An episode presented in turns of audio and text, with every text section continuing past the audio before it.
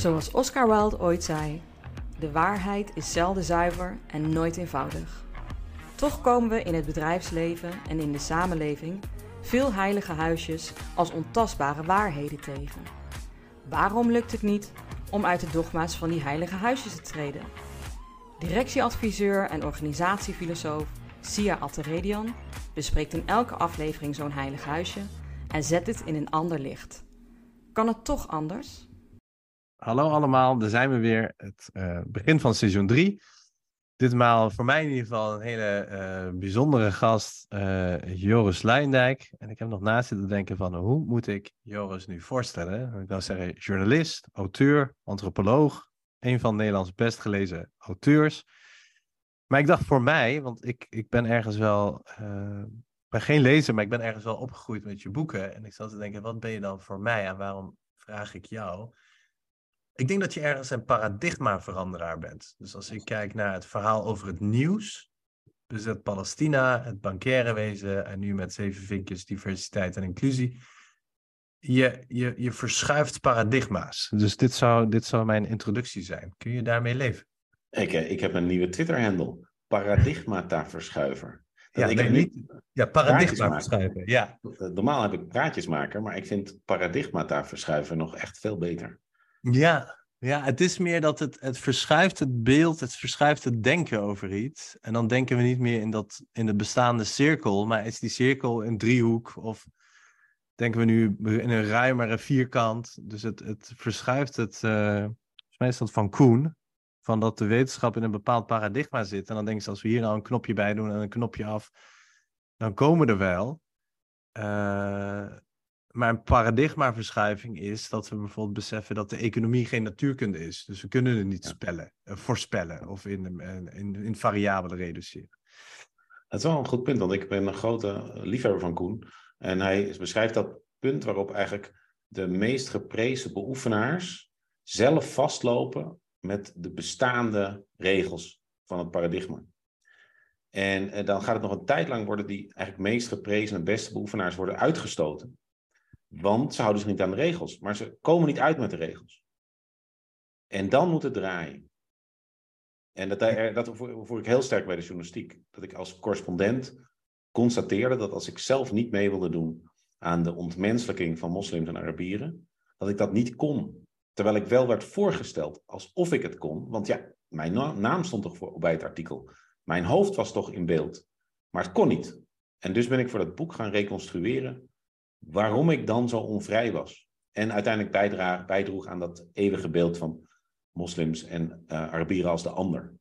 Dus, en dan ja, bedoel je ook het, het, boek Het zijn het mensen. Het zijn het mensen, ja. ja. Over mijn tijd als correspondent. Ja. ja, dit is ook wel wat ik vaak zeg over het systeem. Uh, ik, ik had hiervoor een uh, podcastgast. Zij zei van, ja, men moet beginnen met reflecteren. Dan, dan denk ik, ja, hard, ja, zeker. Ze moeten reflecteren. Maar het systeem is ook 1 plus 1 is 11. Dus het is zo, dat is een beetje wat jij beschrijft. Je bent wel gebonden aan de, aan de spelregels van dat systeem, cultuur, bureaucratie. Het is wel een heftig systeem die ook, ook al ben je een vertegenwoordiger daarin, die heeft jou ook gewoon te pakken. Uh, door... ja. ja, en dat is ook goed. Want uh, dat systeem dat, dat uh, blokkeert ook allerlei wangedrag en allerlei verkeerde verleidingen, et cetera. Maar het betekent ook dat het, dat het ja, een soort antilichamen in zich draagt voor uh, constructieve verandering. Ja, ja dat, is, dat waar we het over hadden voordat de camera aanging. Is iedere verandering moet uiteindelijk door het systeem heen gaan. Ehm, maar goed, systeemverandering is daardoor heel complex. Ja. Uh, weet je, dat doe je individuen geweld mee. Uh, Galileo, die een systeemverandering voorstelt, dat is gifbeker. Socrates gifbeker. Uh, Gandhi vermoord, Jezus opgehangen. Dus een systeemverandering in je eentje, dan ja, meestal eindig je dood. Als je, als je alleen een systeemverandering ja, of, Als je kijkt naar de, de grote feministes, ontmenselijkt. Dus ontvrouwelijkt, ontmenselijkt, ja. Maar goed, je hebt ook een heilig huisje. Zal ik hem voorstellen? Wil jij hem zelf introduceren? Wat zullen we doen? Doe jij het maar, dan sloop ik hem. Ja, precies. Jij hebt als heilig huisje, ik vind het wel heel cool. Witte mannen moeten hun bek houden over diversiteit en inclusie. Zeg ik het dan goed? Ja, ja ik denk dat dat een, dat is een denktrand die ik heel veel tegenkom. En die volgens mij intern onlogisch is. Omdat je zegt, de waarde van inclusie is dat voordat je een besluit neemt, voordat je een stap zet, je alle perspectieven meeneemt. Nou, als we nu een stap gaan zetten naar een inclusieve samenleving, is het dan misschien een goed idee om daarbij ook het perspectief van witte mannen mee te nemen, aangezien wij met 43% van de bevolking zijn.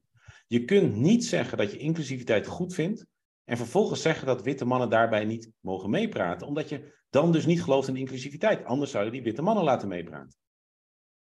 Ja, maar ik denk ook dat. Uh, ik ga even tegenhangen. Dat er zelden wordt gezegd: witte mannen mogen niet meepraten. Maar er wordt gezegd: witte mannen praten al zoveel mee.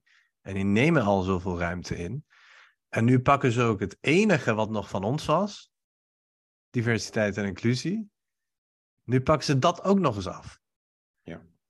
En de andere kant ervan is dus dat als je dus gaat zeggen dat diversiteit en inclusie is voor iedereen behalve witte mannen, dan hou je in stand het idee dat iedereen een identiteit heeft, behalve witte mannen.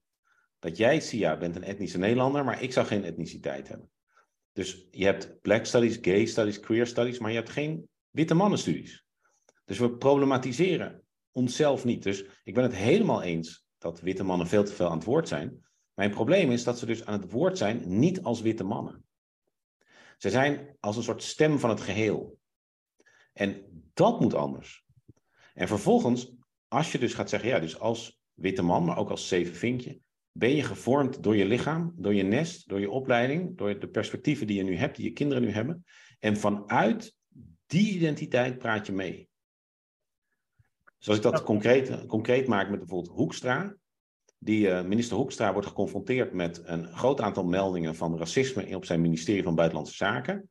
Hij praat dan mee, maar hij zegt: Ik kan me niet voorstellen dat dit veel voorkomt. Kijk, dat is niet wat ik bedoel met witte mannen moeten meepraten. Mm Want hij, hij zegt niet, ik kan me niet voorstellen als witte man, aangezien ik het niet kan meemaken. Hij zegt, ik kan het me niet voorstellen als neutrale observator en belichaming van de norm en het systeem. Dus het, het, is het, het heilige huisje is een ingewikkeld heilig huisje, omdat het voor een deel dus klopt. Wij zijn als witte mannen veel te veel aan het woord, maar vanuit de verkeerde positie. Sinan Sankaya, die was een van de eerste, die dat, mijn, mijn boek was een paar uur uit en toen had hij het, hij had toen eens gelezen, had hij dat al door. Een van de enigen die dat meteen zag, maar dat is ook een mede-antropoloog. De schrijver van ontelbaar, Mijn Ontelbare Identiteit. En wat had hij door? De, hij zei dus, het, het, je, we vragen al heel lang dat witte mannen zich verhouden tot hun lichaam. En tot hun nest. Dat ze niet langer doen alsof zij wel objectief kunnen zijn. Maar wij, ja, met onze identiteit, wij zijn natuurlijk subjectief, maar wel een waardevolle bijdrage. Nee, zij zijn net zo subjectief als wij. En hij, Joris, heeft dat door. Hij heeft vanuit die subjectiviteit dat boek geschreven. Dit is precies wat we al die tijd wilden. Daar kan ik mij ook redelijk in vinden. Alleen waar ik me laatst over zat te verbazen, en ik gooi jou dan met jouw zeven vinkjes op dat rijtje. Uh, mijn verbazing, toen was jouw boek nog niet uit. En ik moet ook terugkijken hoor. Dit, maar dit is wel een post geweest. Ik stelde de vraag. Uh, ik, denk, ik denk echt, echt enige tijd geleden. Hoe kan het dat het thema diversiteit en inclusie nu voor de blonde vrouw is? Die vraag heb ik echt gesteld. En heeft onder, onder die post, en er was echt een oprechte filosofische vraag van wat, wat gebeurt hier? Er was ook iemand die een heel mooi antwoord gaf. Dus die, dat, zal ik straks ook verklappen. Maar over het algemeen werden mensen heel boos. En ik dacht van ja, nou ja, er zijn zat mensen die dit thema doorleefd hebben. En ik, ik ben er trouwens niet één van. Hè. Sinan die, die is daarop gepromoveerd. Ik, ik doe veel meer boardroom advisor dan diversiteit en inclusie. En ben meer veranderkundige. Dus ik voel mezelf ook niet aangesproken. Maar er zijn een hoop mensen die hun hele leven aan dit thema hebben gewijd. Persoonlijk, hè, dus aan de hand van die ervaringen. En dat is niet een, een maandje of een jaartje in Engeland. Het is gewoon levenslang dat doorleven. En dan vervolgens zijn ze er ook nog eens op gepromoveerd. En dan worden de trainingen verkocht, want dit is ook gewoon een product nu geworden. Dan worden de trainingen verkocht en dan zie ik overal twee hele leuke, vriendelijke uh, witte vrouwen. En dan denk ik, ja, hoe, hoe, hoezo is dit thema nu van jullie? En vooral nu het commercieel is. Uh, en, en, er valt ook geld mee te verdienen. Waar is die donkere vrouw die dit jarenlang bestudeerd, doorleeft? Of... Ja. Ja. En er zijn dus uh, 43% van de bevolking is witte vrouw. En anderhalf procent van de bevolking is zwarte vrouw. En dus ik, je, ik denk dat verandering ontstaat wanneer dus heel veel verschillende soorten mensen met verschillende soorten achtergronden hetzelfde gaan zeggen. Dus dat staat los van de vraag of iemand ook die trainingen moet geven. En het ligt ook om welke trainingen. Maar ik, ik, ben, ik heb zelf, maar misschien heb ik niet goed gezocht, um, gezocht naar, naar dus, uh, effectiviteitsstudies. Dus is nou een training over racisme effectiever wanneer die wordt gegeven door een persoon van kleur aan een witte groep of door een wit persoon? En ja, het kan heel goed dat ik niet goed heb gekeken, maar ik kan het nergens vinden. Ik ben echt geïnteresseerd. Dus de, de relatieve waarde van kunnen spreken uit eigen ervaring versus de relatieve waarde van de identificatie van de doelgroep. Ik had diezelfde fascinatie. En ik weet niet of ik iets goeds gevonden heb, maar wat ik vond, ik denk ook onder die post, maar goed, ik moet dat even teruglezen, uh, is dat het publiek, maar misschien was het ook een quote hoor, en niet per se een, een wetenschappelijk onderzoek, is dat het publiek makkelijker iets aanneemt van een, uh, van een witte man of een witte vrouw. Um, ja, omdat het zich gerepresenteerd voelt. Ja, en ook omdat je dat gewend bent om op tv te zetten. Of zoals jij zegt, en, en dat, je, je kan als uh, donkere vrouw snel worden, of als zwarte man snel worden weggezet als agressief. Of je kan als hysterische vrouw. Of, dus dat is ook, en daarin maak ik ook keuzes. Weet je, ik kies ook met wie ik voor de groep zet en wanneer en hoe uh, en op welk thema. Maar hier speelt, sorry, één verschil is dat als ik het heb over EU-wetgeving, speelt dat ook. Dus je bent gewoon geprogrammeerd om een witte man, en zeker een witte man die ook nog eens praat zoals ik, uh, serieuzer te nemen. Maar hier hebben we het specifiek over, uh, niet over EU-wetgeving, die zich zeg maar buiten de ruimte bevindt, maar je houdt een training over de, de mensen in de ruimte zelf. Dus dan, dan moet je denk ik die twee factoren scheiden. Van, van de ene kant de geprogrammeerdheid om een zeven vinkjes serieus te nemen, maar ook dat als je het verhaal krijgt van iemand met jouw soort jeugd, jouw soort lichaam, jouw soort opleiding, jouw soort vormende ervaringen en jouw soort perspectieven, dat je dan misschien makkelijker mee kan. Ik denk zelf, dat, ik denk zelf heel erg complementair. Dus, dus je hebt van de ene kant heb je soms een schop nodig, maar dan moet iemand je ook weer overeind helpen. Soms een stok in je reet en soms een wortel. Dat soort dingen. Kan dit in de trailer? ja, als jij dat wilt, doe dat. Uh, nou ja, wat ik, wat ik vaak merk als ik zelf voor groepen sta, is als adviseur als adviseur heb je een detached engagement. Dus je bent heel erg betrokken, maar je behoudt ook bepaalde afstand. Ik kan best als spreker een motiverend verhaal vertellen. Kijk eens wat ik allemaal heb gedaan en doorstaan door het leven. Dat is prima. Maar als ik als lid van dat systeem ga klagen over iets van diversiteit en inclusie, dan ligt dat aan mij. Dan zal dat systeem zeggen: ik zit in hetzelfde cultuursysteem. Je hebt het gewoon niet goed gedaan. En als een buitenstaander of als iemand van dat stam, hè, dus, dus en laten we zeggen een zevenvinker die dat stam het beste vertegenwoordigen, en niet dat het zo is, maar gevoelsmatig. Als die dat zegt, is het, oh, daar moeten we eens goed over nadenken. Ja, maar daar speelt dan wel denk ik twee dingen. Eén is dat die persoon zelf dus geen belang heeft of kan worden toegeschreven ja. om dat te zeggen. Ik denk daarom vind ik dus dat zeven vinkjes de urgentie moeten gaan dragen, de kar moeten gaan trekken over diversiteit, omdat ze juist niet kunnen worden beschuldigd van ja. uh, preken voor de eigen groep of voor de belangen. Special pleading heet dat in het Engels zo mooi. Uh, dus dat is aan de ene kant zo. En aan de andere kant, ja, ja, identificatie. Als je dus zegt van, ik ben, zwart, ik, ben, ik ben zwart en als ik ergens binnenkom en niemand anders is zwart, voel ik mij niet gerepresenteerd. En dat, ja, dat werkt dan misschien ook wel zo voor witte mensen, die dan inderdaad makkelijker meegaan met het verhaal wanneer dat door een wit persoon is. Er spelen heel veel factoren door elkaar heen die elkaar soms ook eh, uitcancelen en soms ook versterken. Het gaat er ook over, ja, het is verleidingskunst. Hè? Het is, ja, en, en, daarin denk ik dat we ook twee dingen moeten onderscheiden. Het is, hoe krijg ik de luisteraar mee? Hoe krijg ik de groep mee? Dat is uh, zeker een element. En op, op, dat stuk is het gewoon mooi als er een zevenvinker uh, dat vertegenwoordigt. Dus in dat opzicht ben ik het, ben ik het eens met jouw heilig huisje. Is, witte mannen moeten zeker niet hun bek houden als het gaat over diversiteit en inclusie. Maar er speelt ook een ander element mee, of misschien een aantal andere elementen, is ehm, ik mag het N-woord niet zeggen, want ik heb dat niet doorleefd. Dus dat, eh, dat iemand die hier. Bijvoorbeeld mijn moeder. Mijn moeder spreekt prima Nederlands, ziet er ook zelfs eh, een beetje elitair uit. Dus die kan prima mee in allerlei settingen. Bij mij is dat anders. Ik word best ruiger behandeld dan mijn moeder.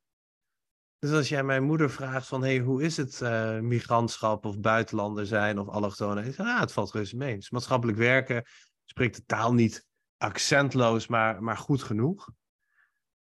Die maakt als, zeg maar, uh, vrouw met een iets donkere huis, die denken ook van, ja, dat is gewoon één achtste Surinaams of zo, weet ik veel. Uh, die maakt het allemaal veel minder mee. Dus je iets doorleefd hebben vanuit je menselijke ervaring echt doorweekt te zijn geweest met iets. Vaderschap, hè? jij bent dat, ik ben dat niet. Ik kan wel zeggen, ik moest een keer op mijn nichtje passen voor zes maanden. Of ik, ik was een keer oppas voor zes maanden. Maar ik heb dat niet doorleefd. Ik weet niet wat dat pijn is, wat die bezorgdheid inhoudt. Ja, standpunt. Ja. ja. En, en dat zit diep in je, want je wordt ermee wakker, je gaat ermee slapen. Het is een beetje als een bril waarmee je iedere dag de wereld ziet. En op een gegeven moment haal je hem eraf en wil je kijken, wat is dit nou? Maar dan word je volledig blind. Dus je, je kan het niet helemaal grijpen. Maar je bent ermee doorweekt. Het is iedere blik, het is iedere uitsmijten, het is iedere discotheek, het is iedere chance, het is iedere voetbalwedstrijd, het is iedere sollicitatie, het is iedere keer bij de supermarkt. En die mensen die dat dag in dag uit, hè, en dan denk ik dat een, dat een zwarte man veel meer heeft meegemaakt dan ik. Ik kan, ik kan nog redelijk goed verstoppertjes spelen mee en, en, en doen. En heb daar ook weinig last van gehad. Maar een zwarte man die dat iedere keer moet doorleven. En die komt ook nergens concreet goed aan de bak. Hè? Of die de thema. Al die antropologische websites, bedrijfjes, ga maar kijken. Het, het is allemaal, zeg maar, rijke uh, vrouwen die dan... Uh, en als er een keer iemand van kleur bij zit, is het ook de achtste generatie. En die praat ook met een bekakt accent. Dus die zwarte man die iedere dag discriminatie meemaakt... en die, zou, en die is daarop gepromoveerd, die wil het bij de politie vertellen. Die ziet dan, ja, ja Joris is, dit onderwerp aan het vertegenwoordigen. Ja, dus is de vraag, is hij dat aan het vertegenwoordigen? Of is Joris aan het proberen om uh, witte agenten te bereiken die uh, grotendeels onbewust een aantal afweermechanismes in stelling brengen, waardoor ze totaal niet bereikt worden. Dus ik was inderdaad bij de politie. En toen kwam de afloop kwam de, de coördinator van een vrouw met Surinaamse wortels. En die zegt, je hebt het goed gedaan, maar het interesseert me echt geen reet dat jij dat bent. Het enige wat ik die doe, is ik kijk naar mijn agenten. En ik zie dat ze naar je luisteren. En daarna kan, heb ik met een paar een gesprek kunnen hebben dat daarvoor niet kon. Het enige wat me interesseert is om de politie beter te krijgen.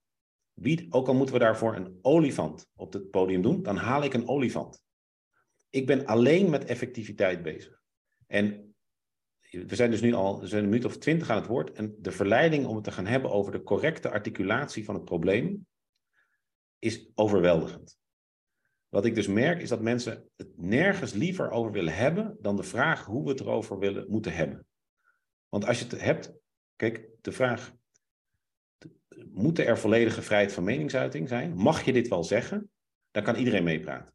Maar klopt het wat zojuist is gezegd? Oei, dan moet je kennis hebben, dan moet je over die kennis kunnen nadenken. Dus ik, ik noem dat dan maar de metaverleiding.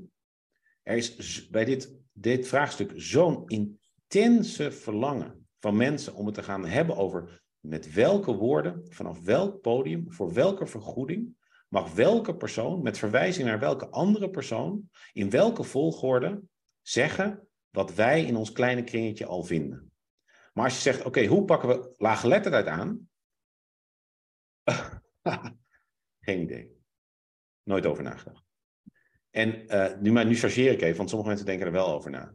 Maar maar dit, dit zit zo, die metavragen zijn super belangrijk, want de manier waarop we over dingen praten en wie dat mag, heeft allemaal effect. Maar we komen niet verder. Gaat alleen maar over de manier. Maar daar begon het ook mee. Hè? Ik zei laten we het onderscheid maken tussen hoe ben je effectief Ja. Ik heb jou laatst ook ergens gevraagd of je ergens voor een groep wilt spreken. Dus daar heb ik over nagedacht. En ik denk, met Joris ben ik het effectiefst. Dus dat is niet alleen praten over, dat is ook doen. Dus ik ben het met je eens. Maar het ging ook over waarom witte mannen hun bek moesten houden. Hè? Dat, dat was het Ja. heilige huisje. En dan zeg ik, ja, je bent dan zo effectief. En ik denk ergens, hè, dan, dan spreek ik even vanuit mezelf, denk ik, je bent onderdeel van de oplossing. Dus waarom lopen we zo te zeiken? Dat, dat denk ik echt. En ik vraag je ook, ik geef je podium, omdat ik denk dat het effectief is. Dat is waar, maar ik zet er ook iets anders naast. En dat is die zwarte man, die zijn hele leven hiermee aan het struggelen is. En die is daarmee doorweekt. En die zegt van, ja, dit... toen, het, toen het over eh, eh, Nederlandse historie ging, zeiden ze tegen mij, ja, maar je hebt die historie niet meegemaakt. Toen ik psy- psychotherapeut wilde worden, zeiden ze, ja, je moet het cultuur volledig hebben doorleefd, wil je dat kunnen doen. Toen ik chirurg wilde worden, hè, zeiden ze, ja, ja, weet je, het, het, de bo- bottenstructuur is misschien te ruw en, het vergt fijnere bewegingen. Toen ik Navy SEALs wilde worden, was het, ja, jullie zijn niet buoyant, dus in het water hè, werkt dat niet goed mee. Nu is het eindelijk een thema dat voor mij kan zijn, en wordt dat alsnog door de witte man vertegenwoordigd. En dat is even het punt wat ik maak, is niet dat ik denk dat... En da- Ja. dat, is, dat, is dat is ook de pijn die je ziet. Dus als je Ja. kritiek ziet. En ik ben het daar niet mee eens, want ik denk dat je onderdeel van de oplossing bent. En, en het mooie antwoord wat ik vond onder die vraag die ik had gesteld, volgens mij was dat op LinkedIn, is waarom zijn dit nou allemaal witte vrouwen? En toen, toen, toen was jij er nog niet, denk ik. Hè? Toen was je hard aan het schrijven. Toen zette iemand erachter, ja, maar de arbeidersbeweging ook, is ook niet gedragen door de arbeiders. Er zijn anderen geweest die hebben die arbeidersbeweging op de agenda gezet. Dat is uiteindelijk ook de elite die dat op de agenda heeft gezet. En ik vind je ook onderdeel van de oplossing. En eh, heel waardevol dat je dat doet. En ik merk ook van, ik beheers dit thema vanuit de fenomenologie, vanuit de filosofie van het zijn, van het mens zijn. Ik had ook zelf voor die groep kunnen gaan staan en denk, dit is veel te complex. Ik raak hier niemand mee. Je hebt gewoon een heel concreet, tastbaar, herkenbaar methodiek, mag ik dat zo even zeggen, methodiek ontwikkeld, waarmee we juist de doelgroep die we moeten raken, moeten raken. Ja. Dat is waar. Ja. Maar die zwarte man, die zegt ook, dit was nou eindelijk mijn thema. En ik wilde nu eindelijk ook een boek schrijven, of een bedrijf beginnen, of, of trainingen geven. En die zegt, ja, het is nu weer voor de... eh, Ja, eh, waarbij natuurlijk dat, zeg maar, dat ze mee moeten, witte mannen moeten meepraten, is vooral ook heel oncomfortabel voor die witte mannen. Want als ze moeten gaan meepraten als witte mannen, dan moeten ze dus ook hun gebrek aan levenservaring gaan verdisconteren. Dus dan wordt eigenlijk steeds meer de vraag, wat maakt hen zo geschikt als leider in deze tijd van transitie? Een tijd waarin we verschil ruimte willen geven. Dan moeten we dus mensen hebben die kunnen omgaan met verschil. Je kunt niet omgaan met verschil wanneer je als zevenvinkje altijd aan de dominante kant van verschil zat. Dus het, de, de strekking van mijn verhaal is, ehm, denk eens goed na waarom jullie steeds weer de macht geven aan mannen zoals ikzelf. En ik denk dat dat verhaal komt niet in de plaats van deze zwarte man, deze denkbeeldige zwarte man, maar is onderdeel van een aantal programma's. Het is nooit zo dat een organisatie zegt, oké, we gaan één keer in het bestaan van onze organisatie iemand het woord geven en dat is Joris. Het is zo, we hebben nu, eh, dit is de zevende bijeenkomst en we hebben nu het zes keer vanuit het perspectief van allerlei zogeheten minderheden gehad. Zou het interessant zijn om het ook eens vanuit het perspectief van 43% van de bevolking te doen? Ik, dat, dat is simpelweg helaas niet waar. Dus, dus e- één, allereerst, jouw positie is gewoon een hele moeilijke. Het is damned if you do, damned if you don't. Want je bent het aan het opnemen voor die minderheid. En die minderheid, de vertegenwoordigers van die minderheid zeggen, hey, eh, dit is ons verhaal. Aan de andere kant ben je juist dat aan het doen om die eh zeven vinker aan te spreken. En die zeven vinker voelt zich ook een beetje ongemakkelijk. Dus je hebt een hele bewonderingswaardige positie gekozen. Maar ik zie, ik, ik, ik sta dus in die organisaties en ik zie, en dat doe ik zelf aan mee, en ik kan ook uitleggen waarom ik dat doe. Maar ik zie nu een, een, een, een Jitske Kramer, ik zie een Danielle Brown, en eh, ik snap dat ze een Poolse achtergrond heeft, maar dat is ook gewoon zo, doorweek Nederland als maar kan. En die snapt dat theater ook heel goed. En ik zie een Joris Luindijk. Ja, vergeet, Danielle Brown is Joods, lesbisch. Die kan toch langs een aantal assen echt wel invoelen wat eh, kwetsbaarheid is en verschil vanuit een eh, niet-dominante groep. En klassenmigrant. Jitske, Jitske weet ik niet precies. Of dat er vijf of zes zijn. Ja, als, als we het langs vinkjes nemen. Ja. Maar, eh, maar uh, dat zijn ook wel de vinkjes, zoals je zelf aangeeft, die kun je makkelijk verbergen. Dus je kan zelf bepalen wanneer je ze aanzet en uitzet. En uh, een zwarte vrouw kan dat moeilijk aan of uitzetten. En die zie ik gewoon niet. Nee. Dus, dus ik zie wie de sprekers zijn in die organisaties. Maar, ja, maar die, die kun je hebt dan Marianne Spier en. Uh, ik weet dat ze er zijn, hè? Maar die. Flink die, aantal. Ja, zeker. En ze hebben ook heel veel kwaliteit. Maar nogmaals, die, die zie ik dus minder. Ja. Astrid Elburg. Ja. Ja. En, en, ik denk dat daar ook, dat daar ook het ongemak zit. En, en ja. ik zelf zou uiteindelijk... Omarm het ongemak, mensen. Omarm het ongemak. Ja. Als de witte man het ongemak, ongemak moet omarmen, en dat moet hij, omarm ook het ongemak dat als inderdaad witte mannen gaan doen waartoe ze nu al decennia worden opgeroepen, namelijk zich te verhouden tot hun lichaam en nest, dan gaan ze ook terugpraten. En dan wordt het ook weer ongemakkelijk voor activisten die tot op dat moment inderdaad misschien het podium helemaal voor zichzelf hadden. Wat ook tot van die treurige, plechtige bijeenkomsten werd, waar de hele organisatie een beetje zit te knikken en daarna gewoon weer op de oude voet verder gaat. Wanneer is het volgende Ramadan-diner? Nou, ik ben er weer bij hoor, als ik kan, dat werk. Wat echt interessant is, en dan is het leuker denk ik om naar de inhoud te gaan, van, is het contrast met het zijn het mensen. Dus het zijn het mensen komt uit en dat gaat, is eigenlijk een, uh, nou, het bouwt heel erg voort op het, het, werk van Edward Said, uh, maar ook van, uh, van een aantal andere denkers. En uh, laat zien hoe het, zelfs als je helemaal van goede wil bent en Arabisch spreekt, je nog steeds in je berichtgeving meewerkt aan de ontmenselijking van moslims en Arabieren. En het, het laat in het tweede deel zien hoe het Westen consequente mediaoorlog wint van Arabieren, met als gevolg een helemaal vertekend zelfbeeld bij Westelingen over de rol van het Westen in het Midden-Oosten. Nou, dat boek komt uit en in al die jaren, en het is, het heeft, het is uh, een van de best verkochte boeken uit uh, de recente Nederlandse geschiedenis, um, in al die jaren is er nog nooit één moslim of Arabier op me afgekomen die heeft gezegd, hoe durf je dit podium te nemen? Allemaal zeggen ze, wat ontzettend fijn dat jij dit toegeeft. Het is nog erger dan ik ook dacht. En ik geef dit nu aan mijn witte vrienden. Die snappen dan eindelijk hoe ze aan die rare beelden van mij en mijn familie zijn gekomen. Niemand die ooit zei, it's not your fight. En niemand die zei van, oh, dit boek ga ik niet lezen, want je noemt Edward Said niet. En, en dat is dus wel, dat vind ik echt fascinerend. Een fascinerend verschil is dat ik idee heb dat Nederlandse moslims en Arabieren veel politiek strategischer dachten. Die dachten gewoon, deze dude kan iets voor ons doen. Nou, laat het hem vooral doen. We gaan zijn boek kopen en we gaan zijn boek cadeau geven. En hoe vaker dat gebeurt, hoe makkelijker het voor ons wordt, omdat mensen gaan snappen wat voor rare beelden van moslims en Arabieren ze in hun hoofd hebben. En dat, ja, of nou de tijd is veranderd, of het thema is anders, of uh, de, de, de, opkomen van moslims en Arabieren heeft inderdaad niet die commerciële tak, waardoor je dus ook niet verdringingseffecten krijgt en zo. Ik weet niet wat het is, maar ik kon dus met het zijn het mensen kon ik veel effectiever zijn, omdat ik gewoon al deze tijd niet kwijt was aan het verdedigen van mijn recht van spreken, maar gewoon meteen kon vertellen wat ik te vertellen had.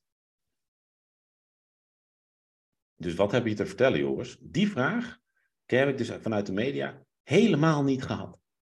Joris, wat heb je ontdekt? Over de banken was gewoon, ja, je hebt er jaren onderzoek gedaan. Joris, wat heb je ontdekt?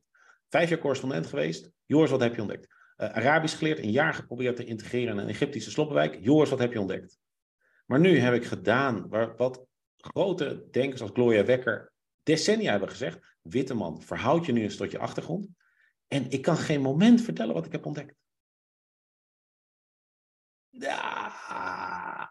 Behalve natuurlijk uh, in, in die praatjes die ik geef. Uh, waar, uh, waar ik dan wel de mogelijkheid krijg om dat te vertellen. Want dan mogen mensen me niet tegenspreken. Althans niet het eerste uur. is, is dat... Nou ja, ik, herken wel echt wat je zegt. Dus ik zit ook te denken, als het gaat om bezet Palestina, en er is dus vaak een Ier of een Schot, iemand die ergens last heeft gehad van Engeland hè, in het Verenigd Koninkrijk, vaak ook een parlementslid, die zeggen dan iets hè, over de illegale toestanden daar. Dan is iedereen zo blij, die ook maar een beetje uh, zich zorgen maakt om het geweld daar tegen de Palestijnen. Dan wordt het ook overal gedeeld. Want het is inderdaad met dit thema veel minder. Ik weet bezet Palestina bedoel je de bezette Palestijnse gebieden? Of bedoel je heel Israël als bezet Palestina? Nee, de bezette gebieden. Bezette gebieden, oké. Okay, ja. ja. En uh, ik moet eerlijk zeggen, ik ben ook geen expert hoor. Maar ik weet nog dat we. Het luistert heel nauw. Wat zeg je? Het, het luistert heel nauw, die, die terminologie. Ja, nee, je hebt wel gelijk. Maar ik, ik kan me nog heel goed herinneren dat we in de collegebanken zit, zat. Ik, ik in de collegebank zat bij internationaal recht. Ik heb ook recht gestudeerd. En er werd gezegd: ja, dit is eigenlijk schending van mensenrechten. Dit is eigenlijk uh, illegaal. Dit is eigenlijk niet toegestaan op het gebied van uh, mensenrechten, et cetera, et cetera. Ja, rechtelijk vooral, hè? Ja. ja. Ja, uh, maar er is een veto, er is dit, er is dat, er is geen uitspraak. Het is,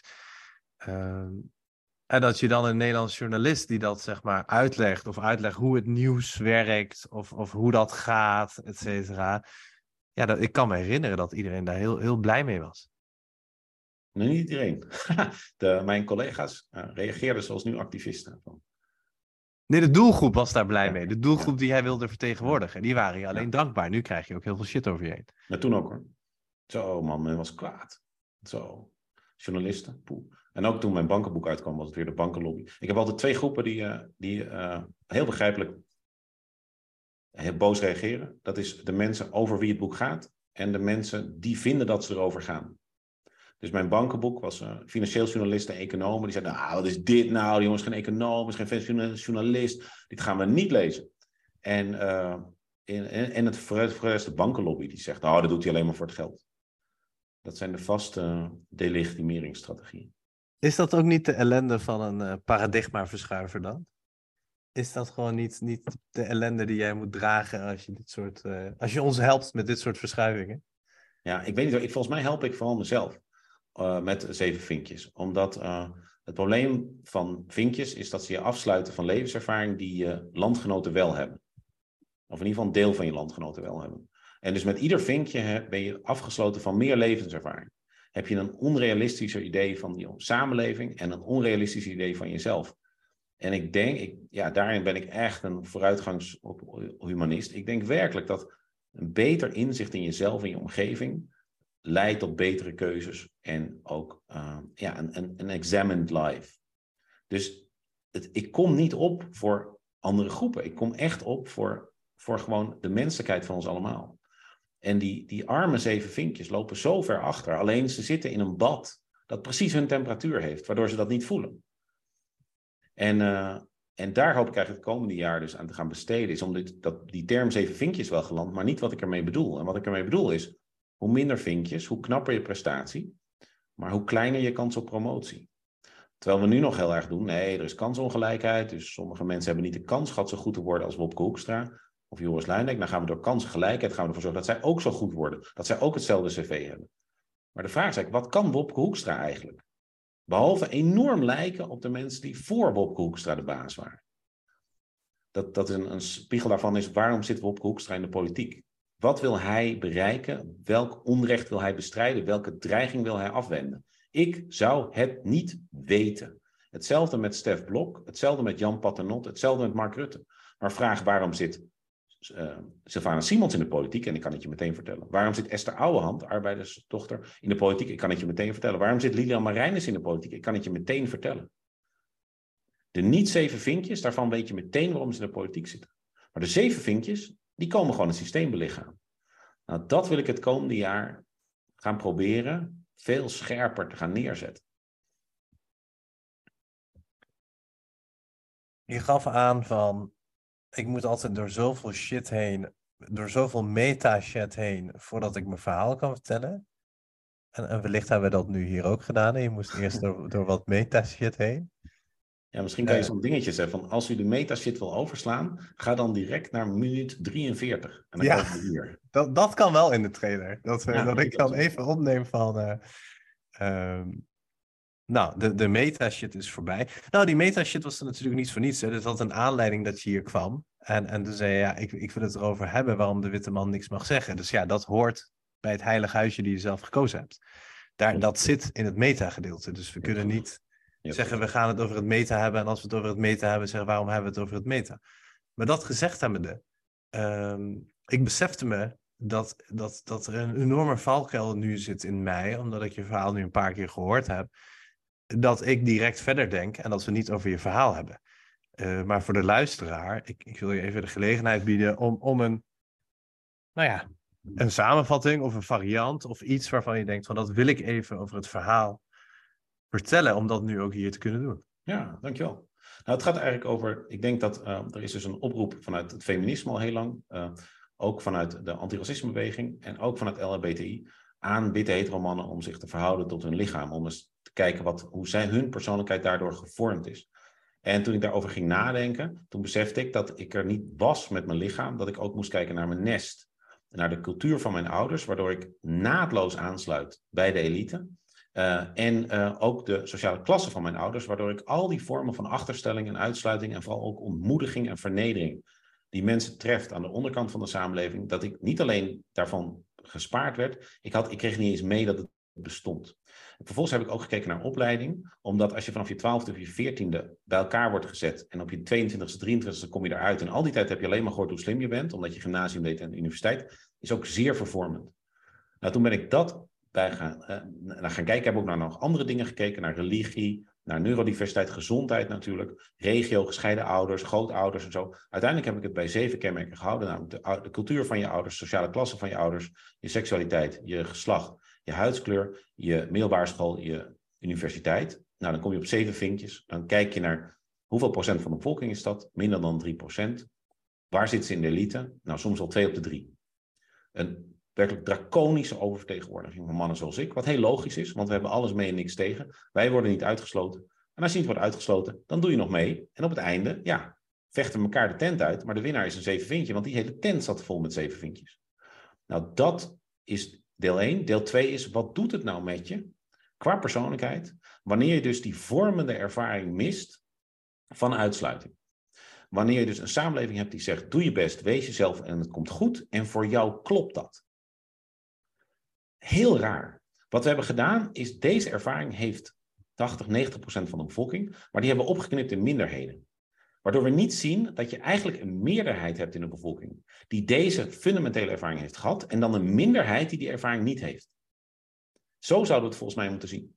Nou, en als ik dan, ik heb veel zitten lezen en ik kom uit bij Gloria Wekker, de grote denk, denker, emeritus hoogleraar antropologie, die zegt het gaat om een soort onschuld. Je bent je van geen kwaad bewust als zevenvinkje. Zij gebruikt die term dan niet, maar, maar je doet ook alles om je van dat kwaad niet bewust te worden. Dus je weet niks van slavernij, maar je leest ook niks over slavernij. Je weet niks van seksueel grensoverschrijdend gedrag, maar je vraagt het ook niet. Of je vraagt het op zo'n manier dat iedereen merkt, oh, hij wil het helemaal niet horen. Nou, die, zeg maar, neigingen, die heb ik willen problematiseren en thematiseren door ze vanuit binnenuit te beschrijven. Om op die manier eigenlijk die zeven vinkjes in dit gesprek te trekken over wat voor samenleving willen we eigenlijk en hoe gaan we om met verschil. En dan dit zevenvinkje niet als een neutrale, objectieve toeschouwer die als enige eigenlijk het hoofd koel houdt, maar als iemand met een essentieel gebrek aan levenservaring. Dat zeven vinkjes moeten zich niet schuldig voelen over hun voorsprong. Ze moeten zich gaan verhouden tot hun achterstand. Een achterstand in levenservaring. Nou, dat bedoelde ik met zeven vinkjes. En wat mij ook enorm raakte, want ik, ik zat in Grondvest, heb ik jou uh, zien spreken, in Nijmegen. Nijmegen ja. Uh, wat mij enorm raakte was toen je zei: Ja, luister, het boek gaat er niet om van. Oh, wat zijn jullie bevooroorrecht uh, als zeven vinkjes en weer iets om je schuldig over te voelen. Nee, dit boek gaat erover dat je levenservaring mist. En daardoor misschien onvoldoende bekwaam bent om die functies te ver vervullen die je vervult. Ja. En toen kwam een slide met allemaal mannen, witte mannen, die belangrijke functies vervullen. En die ging jij toen langzaam af. Allemaal zeven vinkjes. Allemaal zeven vinkjes. De een viel van zijn stokje uh, na zo lang uh, minister te zijn geweest. De ander die, die deed zo slecht. Dus, dus dat raakte, dat was voor mij dan een paradigmaverschuiving. Dat ik dacht van, oh, dit is wat hij probeert te vertellen. Ja. Wat hij probeert te vertellen is niet, kijk eens hoe bevoor, bevoorrecht jullie zijn en zielig de anderen. Het is van, kijk eens wat je allemaal mist aan levenservaring. Ja. En dus die, hoe... Die breuk, hè? Het is zo interessant, zit er een breuk in je leven? Dus het, ik heb altijd zitten denken van, uh, wat als Hugo de Jong een vluchtverleden had gehad? Dus we, corona begint en net als Rutte heeft de jongen heel lang eigenlijk gedaan alsof dit wel weer weg zou gaan. Alsof dit geen fundamentele breuk in de Nederlandse geschiedenis zou zijn. En ik dacht van, ja logisch, waar heeft die man ooit een breuk ervaren? Maar nu is het iemand met een vluchtverleden. En ik wil vluchtverleden echt niet romantiseren. Ik heb daar verslag van gedaan als correspondent. Maar je, je hebt ook posttraumatische groei. En, en flink wat mensen van het vluchtverleden hervinden hun balans en functioneren dan eigenlijk beter. Omdat ze dus in staat zijn te verdisconteren dat er een breuk komt. Nou, zo zou ik veel liever willen gaan kijken naar mensen. Ja, ik heb. Uh, dit is ergens vanuit fenomenologie, maar het is ook ergens nu mijn eigen verhaal. Dus ik weet, ik, ik weet niet of ik nu een bron heb. Maar uh, kijk, het, het, het zijn, het in leven zijn, is een constant verwijzingsgeheel tussen mensen. Dus ik doe een echo de wereld in en dan komt een echo terug. Ik zeg miauw en dan komt miauw terug. Um, en dat verwijzingsgeheel tussen dingen en mensen, zo, zo, draait de wereld ook constant om mij heen. Hè, het draait om mij heen en om mij heen. Ja. En een ontkoppeling, de, depressie, uh, vluchtverleden, een trauma, uh, burn-out, zorgt er even voor dat ik even niet meedraai. Ja. Dus dat constant, oh mijn vriendinnetjes, mijn spullen, mijn laptop, dat zorgt er even voor dat ik niet in dat geheel meedraai en er buiten sta en ernaar kan kijken. En die ontkoppeling, vluchtverleden, depressie, burn-out, maakt eenzaamheid. Discriminatie, denk ik. Discriminatie, heel goed. Discriminatie. Zorgt ervoor dat ik niet meedraai, maar er buiten sta en ernaar kan kijken. En op dat moment zie ik het pas. Wat echt fascinerend is als je kijkt naar de klokkenluiders, maar ook de alarmbeltrekkers. Dus de mensen die zagen, dit gaat niet goed in de financiële sector in de aanloop naar 2008. Dat zijn disproportioneel vaak vrouwen of mensen met een breuk in hun leven. Ja. En ik denk dat dat komt omdat ze dus die, omdat ze die diepe, diepe ervaring die jij beschrijft hebben gehad. Ze hebben ontkoppeld en kijken anders naar bijvoorbeeld consensus. Terwijl consensus voor iemand die nooit een breuk heeft ervaren, is gewoon een bevestiging hoe de wereld in elkaar zit. Terwijl jij al de ervaring hebt gehad, ja, er is wel consensus over, maar dat is helemaal niet zo als je je best doet. Je kan helemaal niet hier jezelf zijn. Ik kan niet mezelf zijn. Kijk eens hoe ze reageren op mijn hoofddoek. En, en daardoor heb je denk ik gewoon een scherpere bullshit detector. En ook een, een, een sterkere uh, kuddegedrag detector. Ja, en het is, uh, zolang je meedraait, is het ook best logisch. Weet je, Zwarte Piet, uh, leuk kinderfeest, et cetera, et cetera. Maar als je ontkoppeld bent, kun je er echt naar kijken. En dat brengt ook een bepaalde wijsheid met zich mee. Hè? Dat is uh, ook wat jij. Ja, en eenzaamheid. Absoluut. Dat brengt een. ja, dat brengt zeker een eenzaamheid met zich mee. Ja, herken je dat? Ja. Kun je een voorbeeld geven? Uh, wat heb je dan hè, met journalisten? Die komen dan op de podcast, gaan ze jou ondervragen. Antropologen, uh, journalisten niet. Kan ik een voorbeeld geven? Je bent op je hoede, want je, weet, je wist er al lang heen. Maar je bent hem aan het checken. Nee, nee, ik, ik word overvallen met 50 in mijn hoofd. Dus ik zit even te denken van wat... Uh... Ik heb mijn vader op een hele jonge leeftijd verloren. Uh... Oh, wat vreselijk. En dan... Uh dan, ik, ik, ik zal, dan leer je ook wat het is om volledig op jezelf geworpen te worden. En dat volledig op jezelf geworpen worden, de, de, de pijn is zo heftig dat er niks is. Er is geen speelgoed, er is geen kunstje, er is geen. Ja. Um, en en ik, ik, ik, ik meende het oprecht. Uh, ik, ik, had een tijd een hele vervelende leidinggevende, waarvan je zou zeggen van, nou, die is. Uh, narcistisch met psychopathische trekjes. En dat heb ik niet bedacht. Er was een hele kring eromheen die dat vond. En sommigen die hadden ook de kwalificaties om dat vast te mogen stellen. Dat was ook een, een periode waar ik dacht van, oh, ik ben nu ontkoppeld. Alles, Pardon. gezondheid. Alles wat ik begrijp, alles in dat verwijzingsgeheel, loopt niet. Geen enkele reactie is goed. Niks is goed genoeg. Ja. Uh, alles in mijn repertoire doet het niet. Dus dan word je weer ontkoppeld en dan weer volledig op jezelf geworpen. Dus ik ging op, op, ik leek me de meest oprechte reactie, dus ik was hem helemaal niet aan het wegen. Ik dacht, wat is de meest oprechte reactie? Ik ging naar de eerste ervaring daarmee. Dan word je dus volledig op jezelf geworpen. En Victor Frankl zegt ook, wanneer je omgeving niet meer kan veranderen, ben je genoodzaakt om jezelf te veranderen. Hmm. En die ontkoppeling, dat zorgt ervoor dat je ik noem het shocktherapie, want druk vormt, maar druk misvormt ook. Uh, en, en, en, dus het, het verzoek was, laten we het over dit meta-onderwerp hebben. Maar wat ik persoonlijk als mens denk, is... eh, er was een boek, Witte Mensen of Witte Schuld of iets. Eh, iedereen die dat las, waren juist de mensen waarvan ik denk, jij hoeft het niet te lezen. Jij Ja, doet al mee. Ja, van Gloria Wekker. Ja, je doet al mee en je probeert al je best te doen. Je mengt je in die discussie. Ga je nou niet schuldig voelen? Dat is mijn persoonlijke Ja, eh, mening. Je bent al aan de goede kant van het verhaal en je doet daarin je best. Ga nou niet nog meer dingen bedenken. Ja, prima dat je dat doet, maar voor mij hoeft dat niet. Het gaat juist om mensen die die ontkoppelende ervaring niet gehad hebben. ja, ik denk ook dat het ingewikkelde met dus het verlies van een vader, denk ik. ehm, want ik heb dat veel gehoord van zeven vinkjes, die zeggen van, eh, die een, een dergelijke ervaring noemen. Is dat vergelijk, het, het verschil tussen iets hebben meegemaakt of iets steeds maar opnieuw blijven meemaken. Ja, en, dat is dus ook. dat- Nu word ik iets te enthousiast, dus ik ga je onderbreken. Maar dat is wat ik dus noem het verschil tussen een miscommunicatie en een ontkoppeling. Als ik een keer. Ik droeg een tijd van Amsterdam naar. eh, ik woon in Spaardammerdijk, 100 206. Achter Westerpark. Ik pakte gewoon zo de fiets zo langs eh, het ei. En ik kwam het Centraal Station binnen. Ik stapte de trein naar Amersfoort in. Eerste klas, ik had een pak aan. Dag in dag uit. Conducteur was gewoon mijn beste vriend. Die kwam even, we deden een babbeltje. Ik had nul last van die man en die man niet van mij. En ik pakte altijd zo'n coupé, hè. Dus eh, oudere treinen hadden dat nog. En er was een stilte, maar ik was dat, was dat als enige in. Dus soms belde ik ook de en dat was helemaal oké. Dat is mijn dagelijkse ervaring, was dat. Ik kom op een gegeven moment terug naar Nijmegen, naar huis, met kerst, waar ik nu ook woon. En ik heb een racefiets mee, ik heb een baard, ik heb een jogging aan, ik heb een eh, trui met een hoodie. En die conducteur gooit mij eruit allerlei bullshit redenen, maar die gooit mij er gewoon uit.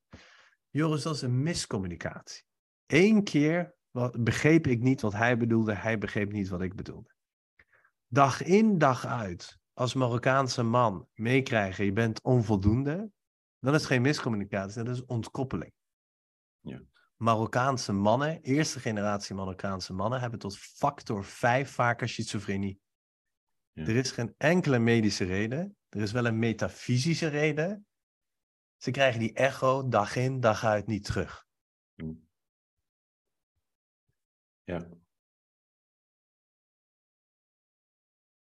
Ja, en dat, daarom denk ik dus ook dat mensen die zeggen: Ja, maar ik, heb, ik ben wel zeven vinkjes, maar ik woon in Groningen. En toen we daar, ik ging in Groningen wonen en toen ben ik twee jaar gepest. Dat is zo. En pest is echt heel heftig als je acht bent. Maar daarna was het voorbij. En daarom is het anders. En dat bedoel ik dus het verschil tussen eh, iets hebben ervaren en iets altijd maar weer blijven ervaren. Want bij miscommunicatie, hè, dus een, een tijd gepest zijn of een tijd eh, geen, niet aan een vriendin kunnen komen omdat je puisten had, of een tijd eh, niet erkend worden omdat je de, eh, niet de juiste schoenen aan hebt. Uiteindelijk krijg je de echo terug van de wereld. Uiteindelijk zegt de wereld van, oh, je bent gewoon een van ons. Ja. Ja. Zegt hetzelfde, alleen omgekeerd. Van O geeft aan van, in het, in het koloniale dorpje waar hij woonde. Hij zei, ik wist wel dat er racisme was. Dat is helemaal niet erg. Ik wist dat dat er was. En het gebeurde ook wel eens. Maar toen ik volgens mij in Frankrijk kwam en ieder kind dacht dat ik een kannibaal was, daar kon ik niet meer van afkomen. Weet je, dat is die ontkoppeling. Dan ontsluit de wereld mij. Ja. Dan ziet de wereld mij als iets anders dan wat ik ben. Ziet mij niet meer als mens. Ja. En dat is iets anders van, oh, sommige mensen zijn soms gemeen. Of zo. Of, of, het is dag in dag uit ontsloten worden door die wereld als iets waar het, waar, eh, zoals jij jezelf niet ontsluit. En dan is een deel, en dat hebben homoseksuelen ook, hè, als de wereld tegen ze zegt, op het gebied van romantiek is de wereld voor jou gesloten. Die weten dat zij zich in zichzelf hebben. Zij weten dat ze verliefd zijn. Zij weten dat ze emoties hebben. Maar de wereld, de echo terug van de wereld, zegt dag in, dag uit niet voor jou. Ja. Dat is niet een keer dat je vader zegt van, oh je mag niet eh, op die ene jongen of meisje vallen. Het is dag in, dag uit dat de wereld zegt, dat stuk is voor jou gesloten. Ja. Heb jij zelf zo'n ontkoppelend ontkoppelende ervaring gehad. Want het, ik zat ook voordat we begonnen te denken, ja, waarom zoekt hij die onderwerpen iedere keer op? Waarom zorgt hij dan ergens is het ook een soort van ziekte in jou waar je zegt van ja, dit is onrecht, hier moet ik wat mee. Dus, dus hoe kom jij erbij? Wat is jouw ontkoppelende ervaring? Ja, want mijn, mijn debuut over Egypte, Goede man staat soms zijn vrouw, is heel speels. Dat adresseert helemaal geen grotere, het is ook heel erg natuurlijk van de jaren negentig, maar adresseert geen grotere kwesties, zoekt eigenlijk op een soort impliciete manier slechts antwoord op een vraag, namelijk wat gebeurt er wanneer een Hollandse autochtone jongen probeert te integreren in Egypte en dan als subvraag niet zozeer wat gebeurt er met hem, als, maar zoals Flaubert die naar Egypte ging en net het ons vertelde wat er met Flaubert gebeurde, maar wat gebeurt er met Egypte? Als daar, een, als daar Georges binnenkomt en die kent zijn taal en die, en dat was een heel speels boek, maar toen werd ik correspondent en toen dacht ik van, wow, dit gaat echt niet goed in die journalistiek. En toen gebeurde 11 september en toen zag ik eigenlijk dat wij ongewild bijdroegen aan het beeld van moslims zijn griezels. Uh, en ja, toen voelde ik dus ook een, sterke maatschappelijke verantwoordelijkheid.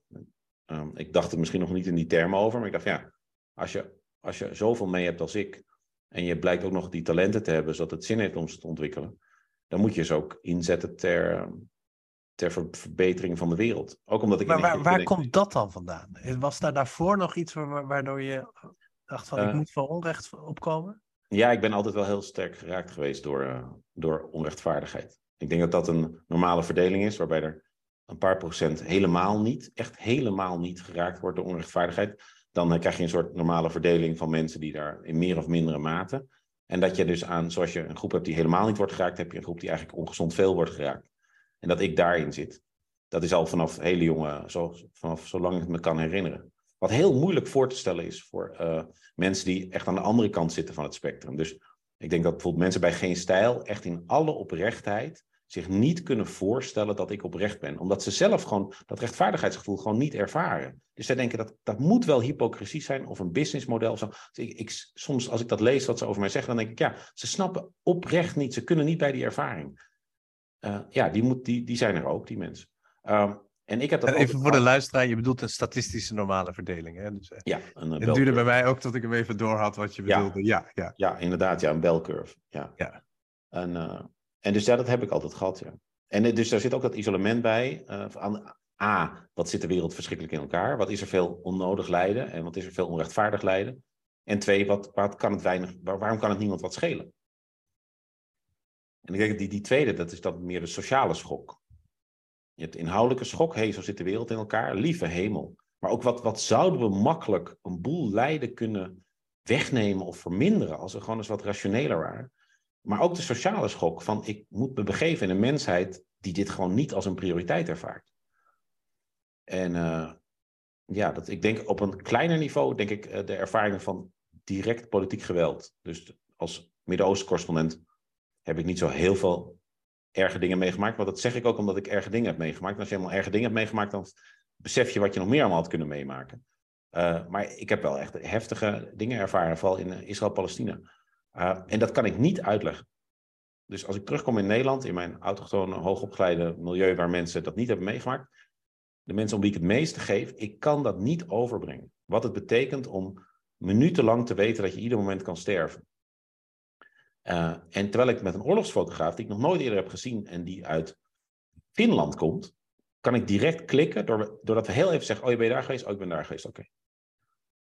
Uh, en daar, daar, dat, dat heeft mij wel erg geholpen in die zeg maar, standpunt-epistemologie. Van sommige kennis, sommige wijsheid is echt alleen beschikbaar voor mensen die de ervaring hebben.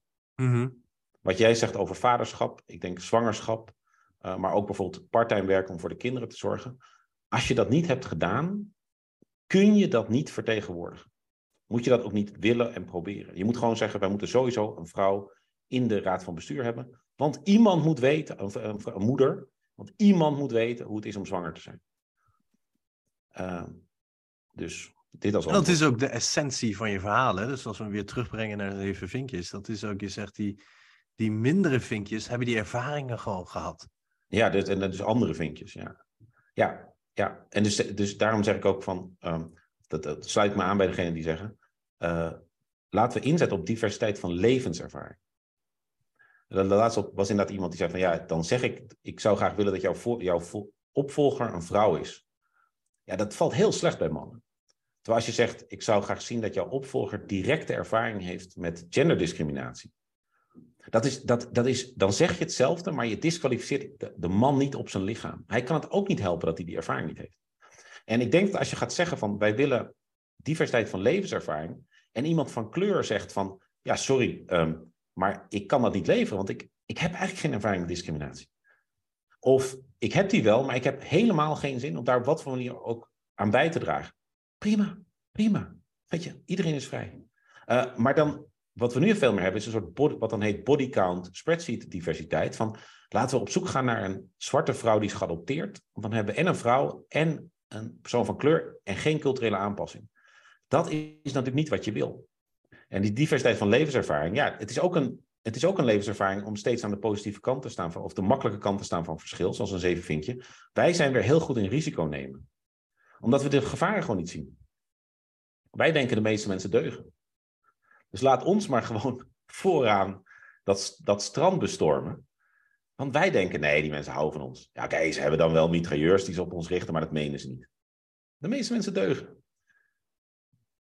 En is dit ook, want daar begon je aan het begin mee. Je zei, uh, we leven in onze intersubjectiviteit. Iedereen zit in zijn eigen subjectieve mening, positie en perspectief.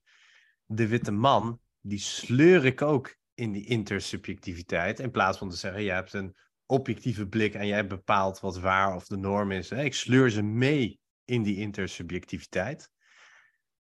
En wat ik juist heb gedaan, is om en wat we ook moeten doen, is, is de witte man, maar ook al die andere vinkjes en alle andere vinkjes die je wel bedacht hebt, maar niet erin hebt gezet, deelgenoten maken van het gesprek. En vanuit daar, vanuit levenservaring kijken van, oké, wie stapt nu wat? Of wie is nu waar goed? Is dat een beetje wat je zegt? Ja, ik denk het wel. Wie snapt nu wat? Ja, en dan, uh, dat is heel specifiek.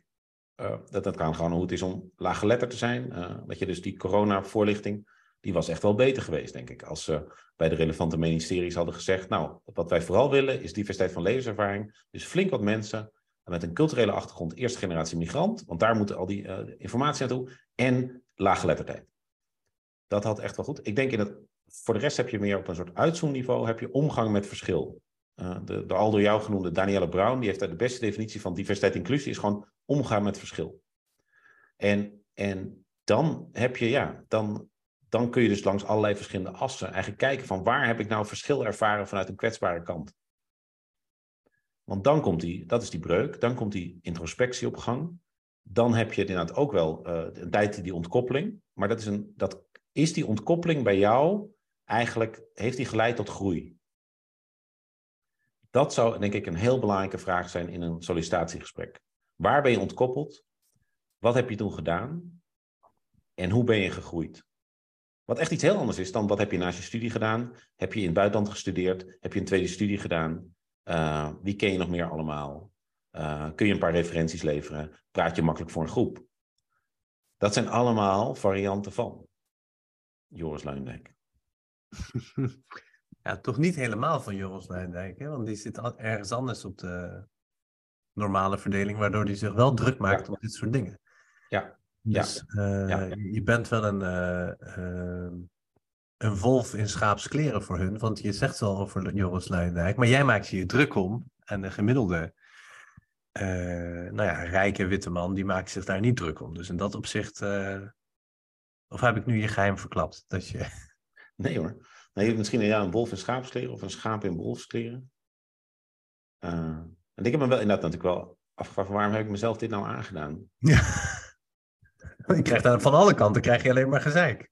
De ja, mensen die ja, nou dat is niet waar. Ik ook, ik krijg want daar was ik er wel mee gekapt. Nee, ik krijg dus, dus echt een factor 5 krijg ik uh, meer positieve reacties. Van mensen die het hebben gelezen en die met allerlei verschillende constellaties aan vinkjes. Dus of soms is het helend voor mensen om te, te, lezen van, nou, ik ben dus niet gek. Het was er inderdaad, die kansen waren er niet. Uh, maar voor zeven vinkjes van, jezus, ja, ja, ik ben precies zoals jij. Uh, soms gaan huwelijken erop vooruit, krijg ik uit de eerste hand. Een, eh, een zeven vinkje man of een witte man, getrouwd met een vrouw van kleur, kennismigrant. vrouw van kleur komt heet terug met meldingen van seksisme, van racisme. En die man zegt iedere keer, weet je dat nou wel zeker? Komt het niet door je Nederlands? En die man leest mijn boek. En ja, heel erg dat hij het niet van zijn vrouw aanneemt, maar wel van mij. Maar daarna hebben ze wel een gesprek wat hun relatie voor altijd anders heeft gemaakt. Omdat hij eindelijk in staat was om haar, haar, haar, dat deel van haar te zien. Uh, dus dus uh, die reacties zijn over het algemeen heel positief. Het is dan gewoon dat het relatief weinig mensen bereikt, omdat hen is verteld dat er niks nieuws in, in het boek staat voor hen. Maar ja, ik had ook een boek kunnen schrijven over de EU, ja. Dan had ik nu lekker met alle zeven vinkjes die over de EU praten. Want over de EU zijn het echt alleen maar zeven vinkjes en zes vinkje vrouwen. En had niemand iets gezegd, weet je. Dan was ik nu echt de gebraden haan in iedere talkshow. Want na Oekraïne is de EU helemaal met Brexit en zo. Uh, ik vrees ook dat ik dus naar dit onderwerp ben getrokken, omdat ik zag dat, het hier, dat hier maximaal veel posttraumatische groei zou zijn. Ja, maar we, we begonnen, ja, en we begonnen het verhaal over uh, die zwarte man, die dit, uh, die hypothetische zwarte man, die dit zo ervaren had en vanuit die ervaring heel veel wijsheid in zich had. Ik denk ook dat als we het hebben over die zevenvinker, dat hij ook de ervaring van een zevenvinker nodig heeft om in te zien wat er moet gebeuren. Ja, ik kan ze in ieder geval goed meenemen. Uh, omdat we dus, hè, zoek de zeven verschillen, dat is een leuk opdracht, omdat die tekeningen zo op elkaar lijken. En uh, op het moment dat ik daar sta als zeven vinkje, en daar zitten een hoop mensen in de zaal die ook zeven vinkjes hebben, of, of zes en doen alsof of zo, ja, dan, dan, al die dingen zijn hetzelfde. Dus, dus als ik dan zeg van ja, weet je, vijf jaar geleden dacht ik, diversiteit en inclusie, wat heb ik er in godsnaam mee te maken? Ik heb altijd hard gewerkt, ik discrimineer niet, ik vind het ook vreselijk. Uh, het probleem is boze witte mannen die op de PVV stemmen. Maar dit, dit gaat... deze ervaring, precies wat je nu zegt, dat is wel hoe je ze weet te raken. Dus het is niet altijd kwantiteit, het is soms ook kwaliteit. De diepgang waarbij jij een zevenvinker weet te raken, dat kan, kan ook alleen een zevenvinker zijn, denk ik. Ja, ik denk het ook. Ik denk omgekeerd dat als bijvoorbeeld, stel je voor, uh, je wil mensen die, uh, anti-zwart die, die wiens leven zwaar is getekend door anti-zwart racisme, denk ik dat de beste training te geven is door iemand die zelf zwart is. Dat, dat, ja. Het is op zich ergens ook wel weer jammer dat we dingen moeilijker aannemen van mensen naarmate ze minder op ons lijken. Maar het gaat ook over ja, levenservaring. Ze zien mij, als ik bijvoorbeeld een van de, als ik cultuur wil uitleggen, dan zeg ik, wie is hier ongeveer 50 man, hetero en autochtoon? Nou, de snelste manier voor mij om dat uit te zoeken is als ik nu tegen u zeg, met de wilde frisheid van, en dan zeggen die mannen, limoenen. En dan beginnen ze keihard te lachen. En dan zie je dus de rest van de dingen van, what the fuck, waar gaat dit over? Maar die mannen moeten echt lachen. Want dat is een hele diepe ervaring, de wilde frisheid van limoenen. Ja, en dan leg ik uit van, nou, is, op je veertiende kom je midden jaren tachtig in de puberteit, nog geen internet. Je ik heb geen idee ook waar je het over hebt, dus ik ben een van die hij komt wel. die niet moest lachen, ja. Precies. Uh, je bent veertien, uh, je, nog geen internet, maar je hebt wel die behoefte van een jongen van veertien om een blote mevrouw te zien. Ja, dan waren er eigenlijk twee opties. Je kon op de fiets je zakgeld gaan besteden aan een Playboy die je kon kopen op het tankstation, want die was nog open. De rest was allemaal dicht, van na zes uur. Of je kon naar de reclames gaan kijken op het enige televisietoestel in, de, in, de, in het huis, namelijk thuis, naast je ouders. Want regelmatig kwam er dan een reclame van Va, badschuim, badshampoo, waarbij een blote mevrouw, een onvoorstelbaar goed geproportioneerde blote blonde vrouw, door het beeld hupste. En dan stond er Va, met de wilde frisheid van limoenen. En dan zat je daar met je beide ouders. Dit, voor dat kleine segment van witte, autochtone, hetero mannen, is echt Iedereen slaat daarop aan. Want dan maak je daar een soort van screenshot van. En dan nam je dat in je hoofd mee naar boven, naar je kamertje. Want je bent 14. Nou, als ik dan zeg, kijk, als ik nu dat gevoel wat jullie de rest allemaal hadden, toen ik zei met de wilde frisheid van limoenen en je dacht, what the fuck? Dat is wat een immigrant heel vaak heeft. Er wordt verwezen naar een kinderliedje, naar een verkiezingsslogan, naar een bekend gedicht, naar een reclameslogan. En iedereen lacht en ze bedoelen het niet zo, maar je, je doet even niet mee. Denk daar eens aan. Op die manier kun je dus op een soort van niet beschuldigende manier mensen eigenlijk meenemen. En dat is makkelijker als je op ze lijkt. Ja, en ik, ik, ik, ik, je stelt je iets te bescheiden op en die fundamentele ervaring hebt van wat het is om daar te zijn en te bedenken van, oh, er klopt hier iets niet. Dus daar zit een, een stukje bewustwording, bewust onbekwaam worden. Dus je gaat van onbewust onbekwaam, je hebt geen idee. Dus, dus wat jij omschrijft van, ik ben een hardwerkend man, ik werk knetterhard, ik heb wat successen gehaald, ik discrimineer niet en ik ben hartstikke feministisch. Ja. Ik lees de correspondent, aan mij ligt het niet. Precies. En ik, uh, uh, ik heb een keer geglimlacht naar het zwarte buurmeisje en ik doneer geld. En, uh, ik heb nog een moslim aangenomen. Ja, precies. En ik, hielp, ik help de schoonmaakster met de belastingaangifte. Ja. Uh, om van die onbewust onbekwaam of van die unknown unknowns te bewegen naar oeh, er is wat ongemak. De, de, niet iedereen kan dat. Dus ook niet iedereen staat, niet iedereen heeft die levenservaring. Dus dit gaat ook weer over levenservaring. En die stap, dat kun jij heel goed. En dat is ook de reden waarom ik, waarom ik, waarom ik jou als spreker heb gevraagd. Ja, dankjewel. Ja. Omdat het gaat over de brug zijn. Dus op dit moment hebben we een brug nodig. Bruggen. En die, ja, nou ja, zat. Uh, en dat is ook waarom ik ik ben enorm, ik ben de activist enorm dankbaar. Uh, omdat ze de zwaard zijn die als eerste erin gaan en zich zo eh, kapot lopen op van alles en nog wat. Maar als ik de verbinding wil maken, heb ik geen zwaard nodig. Dus zij hebben hun werk gedaan, ik heb nu een brug nodig. En vervolgens heb ik iemand nodig die heel populair dingen kan doen, want uiteindelijk moet de massa het dragen. Dus we hebben allemaal onze rol te spelen. Als ik naar dit kant van het spectrum kijk en denk van, mensen die iets voor hebben voor diversiteit en inclusie. Je hebt daar allemaal een rol in. Ja. En, en jouw rol zie ik als het bewust onbekwaam maken van mensen. Ja. Ja, het is denk ik complementair dat met bijvoorbeeld met uh, Kick-Out Zwarte Piet. Absoluut. Ik heb al die stukken altijd overgeslagen van Zwarte Piet is verdriet en zo. En ah, gezeur, kinderfeest en zo. Ik had echt die schop in mijn ballen nodig van Quincy Gario en uh, Afrië, die zei de Zwarte Piet is racisme. En, maar ik had ook de roetveegpiet nodig. En ik had ook inderdaad de brug nodig. Ja, ik hoopte dat mijn boek dus inderdaad zou leiden tot een soort volgende stap. Dat we dus van de stap zeven vinkje, geef nou eindelijk eens toe dat. Naar zeven vinkje, nu je hebt toegegeven dat. Maar dat is ook een verlies, hè? Dus, dus een fase waar je in zit, hè, die geen enkele zeven vinkje witte man geeft het toe dat geeft ook een soort vertrouwdheid en, en, en rust en coherentie aan je groep. Wanneer je zegt geen enkele witte man deugt. Ja, misschien Willem Schinkel, maar voor de rest geen enkele witte man deugt.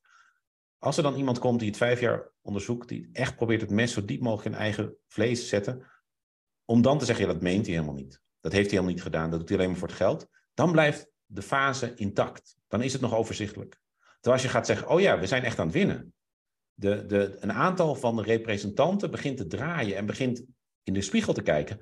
Hoera, maar ook, oh jee. En dus, dus ja, dat, ik hoop gewoon dat dat dit jaar gaat gebeuren. Dat, toen mijn boek uitkwam, had dat kunnen gebeuren. Als degene die tegenover me zaten het hadden gelezen. En dat kan nog steeds. Nou, ik, ik, ik, ben het niet met je eens. Ik, ik heb daar geen zicht op. Jij ziet die statistieken. Maar ik denk dat je boek wel impact heeft gehad. En uh, ik weet niet hoe je telt of hoe je meet, maar een, een kilometer kun je niet wegen. Mooi.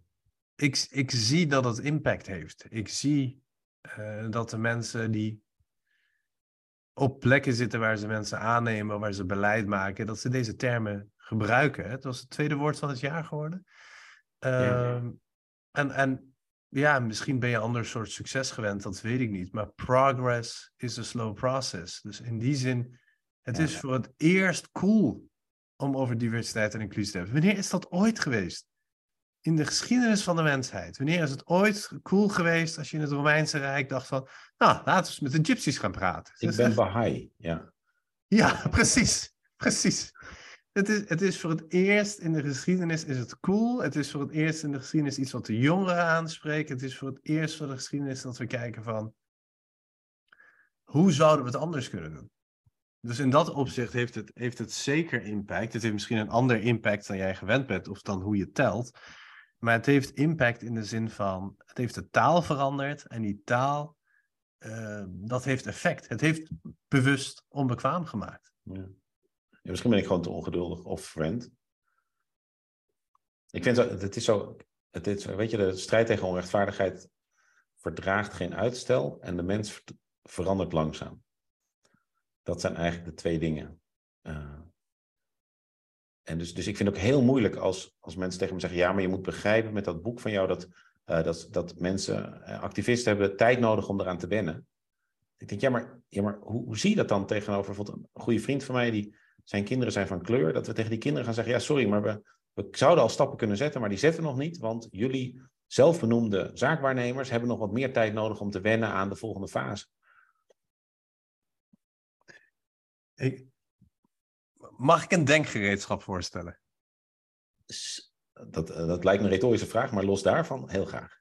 Nee, nee, ik, uh, ik, ik ben er nog heel scherp op dat je zegt, we hebben het te weinig over dit boek. Uh, of, of als ik ergens kom.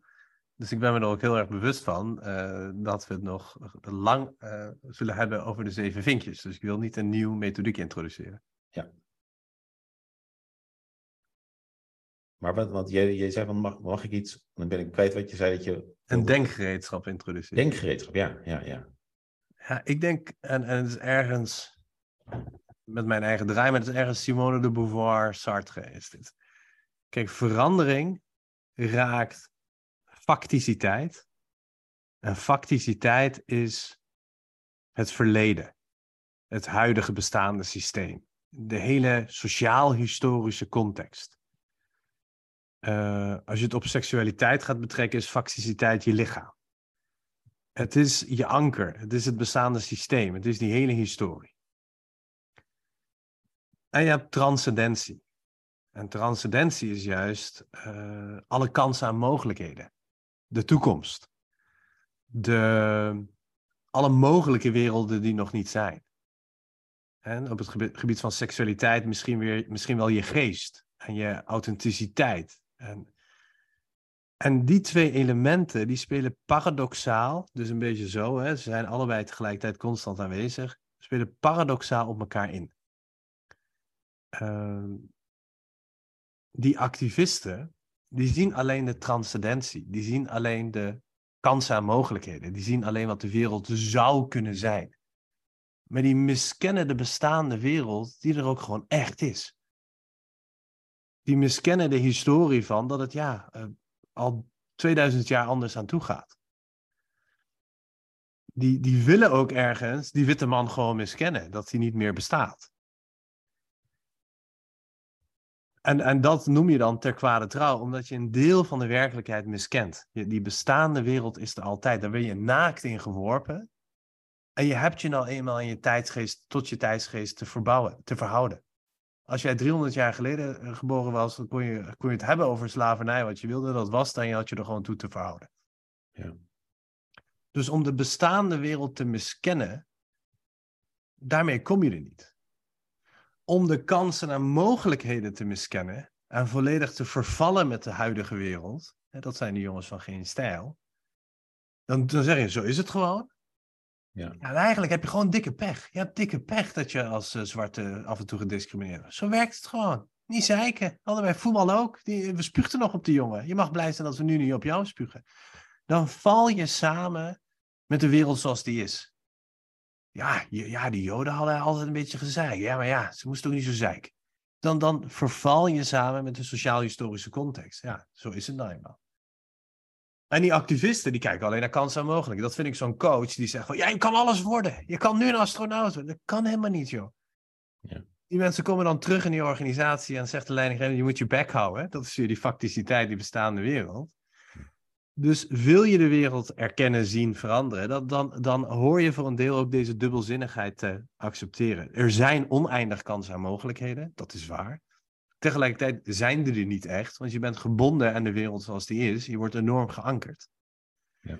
En deze dubbelzinnigheid accepteren, dat is denk ik ook verandering kunnen dulden en realiseren. Dus als jij. Uh, is dit te volgen trouwens? Ja, ja, ja.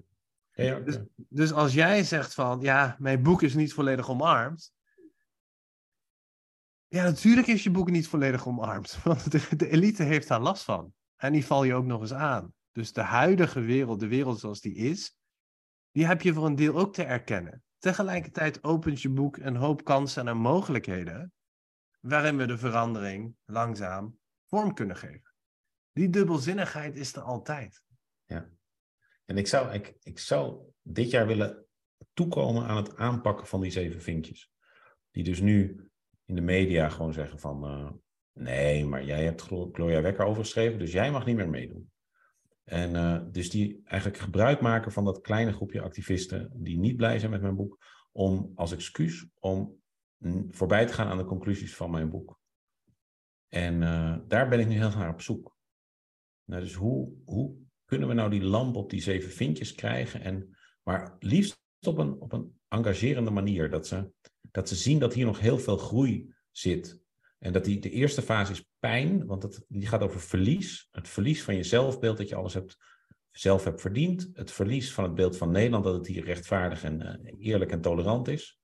Eh, het, het verlies van het idee dat dingen wel goed komen vanzelf. Eh, maar daarna groei, omdat je eigenlijk weer aansluiting vindt bij de rest van de bevolking. En ik denk dat echt eigenlijk verrassend veel zeven vinkjes uiteindelijk vatbaar zullen zijn voor dat. Voor Weet dat ik wel zeker. Eh, Als je denk- ze vraagt om te helpen en een belangrijke rol geeft, dan nemen ze die. Vaak wel, ja. Ik denk Ja. degenen die het meeste vrees hebben, zijn degenen die, die daar echt alleen dankzij die vinkjes zitten. Dus als jij, kijk, als je dus zegt, dus mannen met mijn nest en lichaam, dat is zo'n 15 tot 20 procent van de bevolking.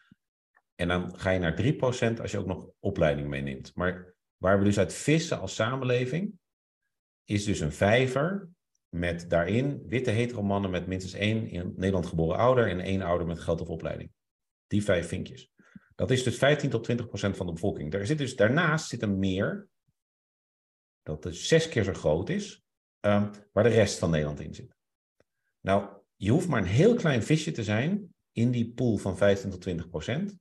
En dan mag je al mooie posities gaan bekleden.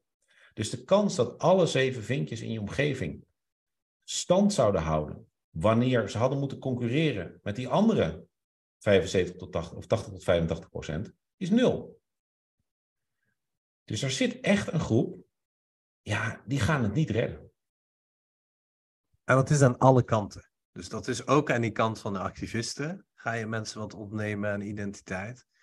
Dus er is angst aan alle kanten. Ehm, Ja, voor verlies van positie. ja. Ja. Ja. Dat is dat, wat mij betreft is dat ook iets wat er bij corona gebeurde, bij die eh, ontkenners van corona. Die hadden opeens enorme positie. Ja. Zij mochten met de belangrijkste virologen ter wereld in allerlei talkshows. Ja.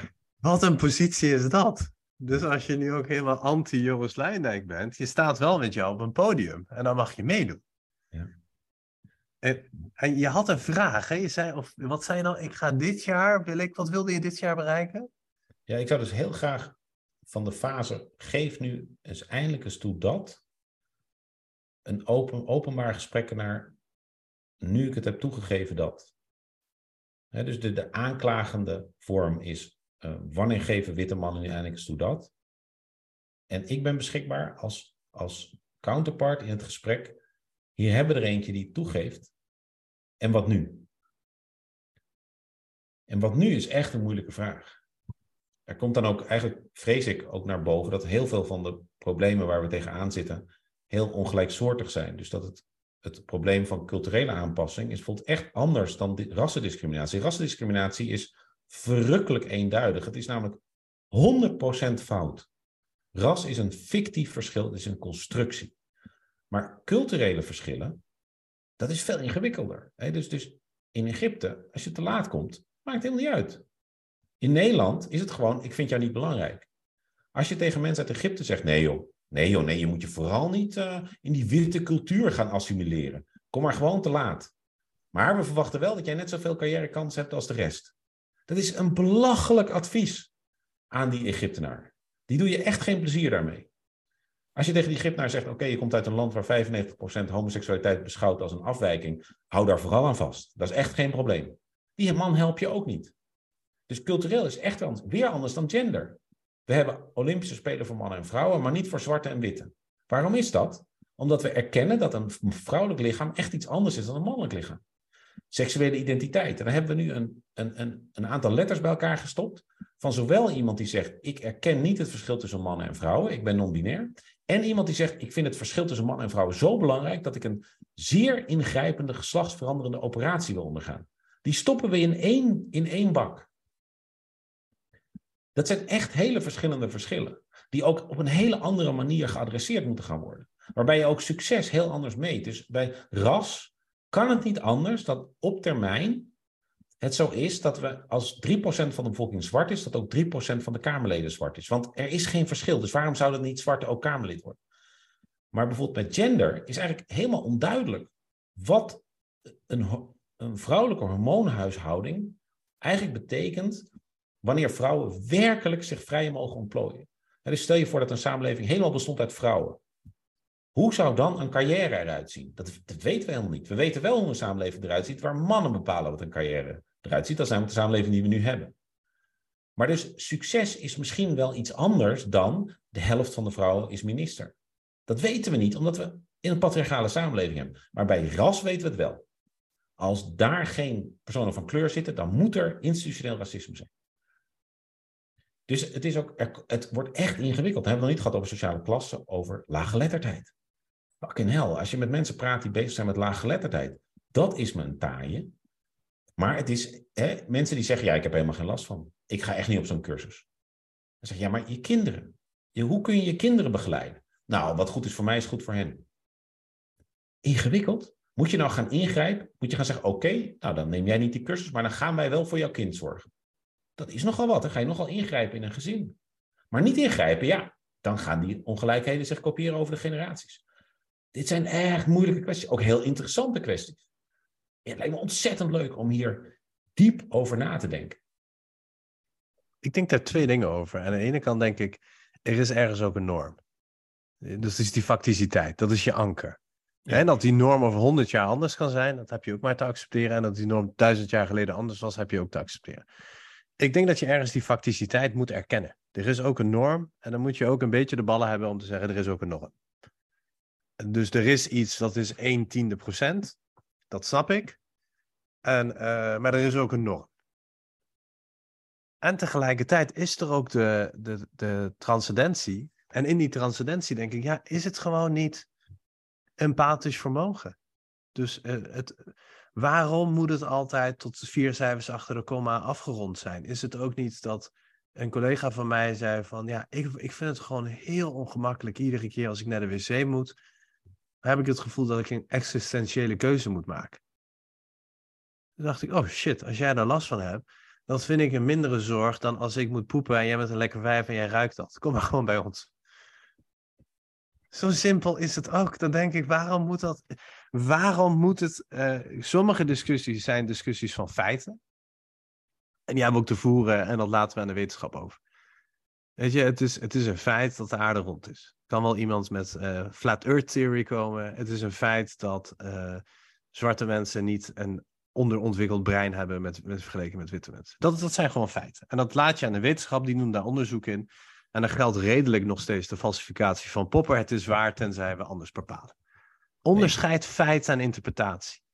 En op het stukje interpretatie denk ik, ja, dat is haar interpretatie van de wereld. Daar kan ik best wat met nuance en empathie naar kijken. Ja. En dan denk ik, als we die twee zaken van elkaar kunnen onderscheiden, feit en interpretatie. Dus er is, ik, ik weet niet wat er van dat onderzoek over is hoor. Er, er was onderzoek uh, dat aangaf van ja, als we kijken naar, en ik zeg dit soort dingen ook altijd verwarrend door elkaar heen, maar als we kijken naar seks, dan is het niet twee, maar vijf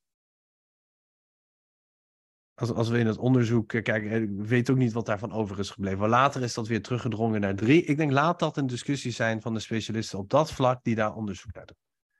Oh, seks bedoel je? Ja, dus man-vrouw. Nee, ja, oh nee, ik dacht de handeling. Nee, nee, nee. Ik dacht, dat, uh, dat is wel echt, jij echt een interessante leven dan ik. nee, nee. Dus er was van ja, qua hormonale balans, et cetera, et cetera. Maar als het gaat om de interpretatie van wat doen we hiermee, ja, het enige wat we daarmee kunnen doen is een dialoog met elkaar voeren. En, en kenmerkend van een dialoog is eerst begrijpen, dan begrepen worden.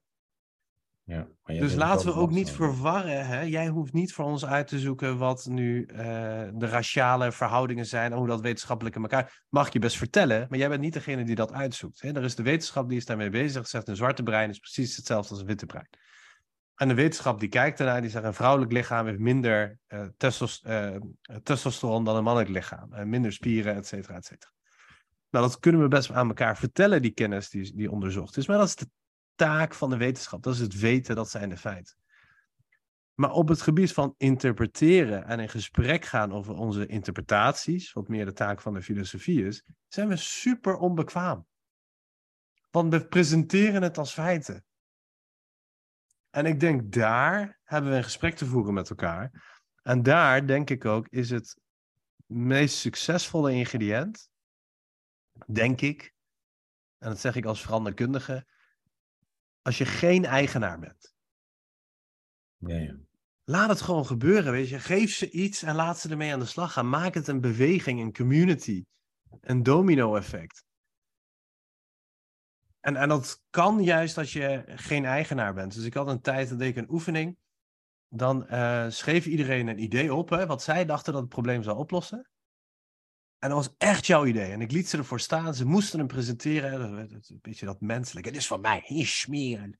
Precious, zeg maar. Dat was dan echt van hun. Ronde twee. Je geeft hem door aan je buurman en je krijgt het idee van je buurvrouw. Ja. En zo werden de ideeën steeds verrijkter. En uiteindelijk was er iets wat geen enkele eigenaar had. En eigenlijk werd iedereen eigenaar van alles, want in iedere ronde is er iets wel langs je bureau gekomen. En daar kwamen ook veel betere ideeën uit. En ik denk op het gebied van de interpretatie, helpt het ook als iedereen deelgenoot is. Dus ik ben het volledig met je eens dat je die witte man ook een label hebt gegeven, dus ze kunnen zich niet onttrekken aan het label. En de vraag is ook, nou, hoe gaan jullie dat, als dat nog dan sluit ik even aan bij, jou, uh, bij jouw denkgereedschap. Hoe gaan jullie dat met al jullie zeven vinkjes oplossen? Ja. Ja. Dus de vraag 1 is hoe bereik je die zeven vinkjes? En dan, als je ze hebt bereikt, wat, wat moeten ze dan doen? Ja, maar je ook, kijk, ik, dus tegenwoordig ook. Jij vroeg aan mij, bedoel je nou uh, dat, dat heel Palestina, dat heel Israël bezet Palestina is? Ik, ik, zat nog, ik heb geen idee eigenlijk wat ik bedoelde. Ja. Dus dat je ook de tijd neemt om te kijken, wat bedoel je nou? Maar vervolgens ook, hoe gaan we nu al die meningen gebruiken? Iets wat nu niet populair om te zeggen is in het postmodernisme. Alle meningen zijn niet gelijk.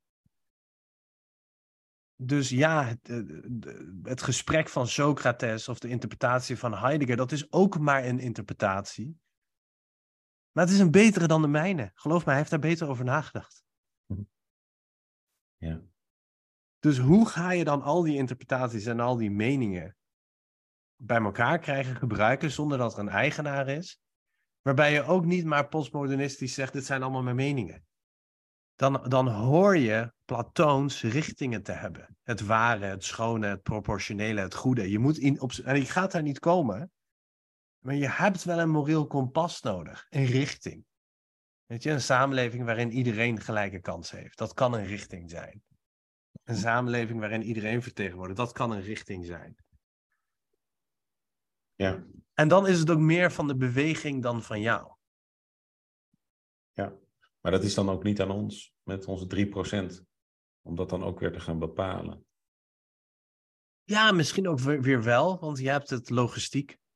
Dus ik heb ook een keer bij een grote bank, toen ik daar werd aangenomen, ik zei, wat heb je met de bank? Ik zei, helemaal niks. Jullie kunnen morgen pepernoten gaan verkopen en dan ben je ook succesvol. En dan ben ik ze hebben de logistiek, ze hebben wereldwijd een logistiek. Ja. Als ik een idee heb, ik zou, ja, in mijn eigen werk natuurlijk wel, ik zou niet eens weten waar ik ik waarmee ik daar naartoe moet. Je hebt een logistiek, je hebt een netwerk. Ja, gebruik die dan voor hun. Dat is dan jouw bijdrage, de logistiek. En gaat het over laaggeletterdheid en hoe dat voelt? Nou, dat is dus niet jouw expertise. Hè? Dus in die interpretatie zou ik ook... Laat degene die daarover gaat... Ja. met maar, volle glorie daarover spreken. Inderdaad, inderdaad, maar als het gaat om de prioriteit die daarna aan wordt gegeven, aan bestrijding ervan bijvoorbeeld, is het juist essentieel ook dat mensen gaan zien die er zelf geen last van hebben, dat het toch belangrijk is om aan te pakken.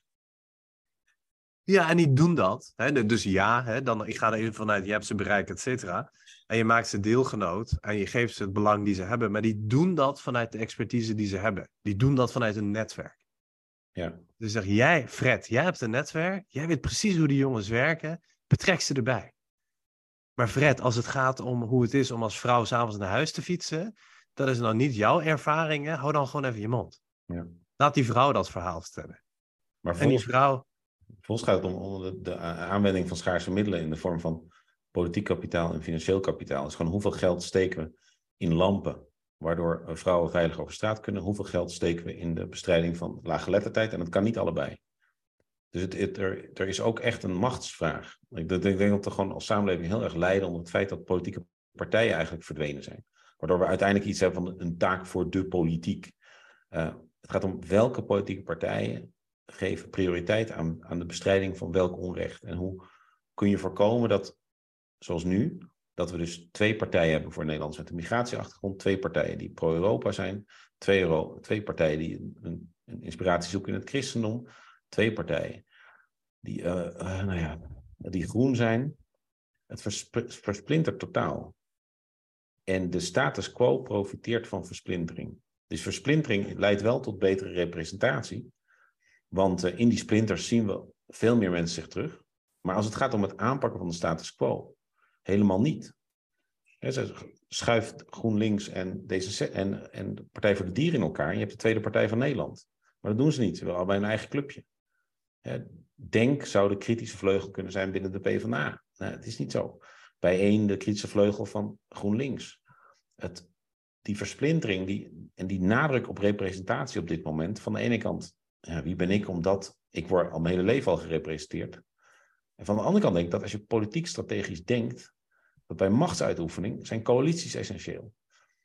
En die zie ik niet echt ontstaan. Ik zie ook naar, in de peilingen, zie ik de vier grootste partijen op dit moment, die zijn, twee zijn rechts en twee zijn extreem rechts. Gaat niet echt goed.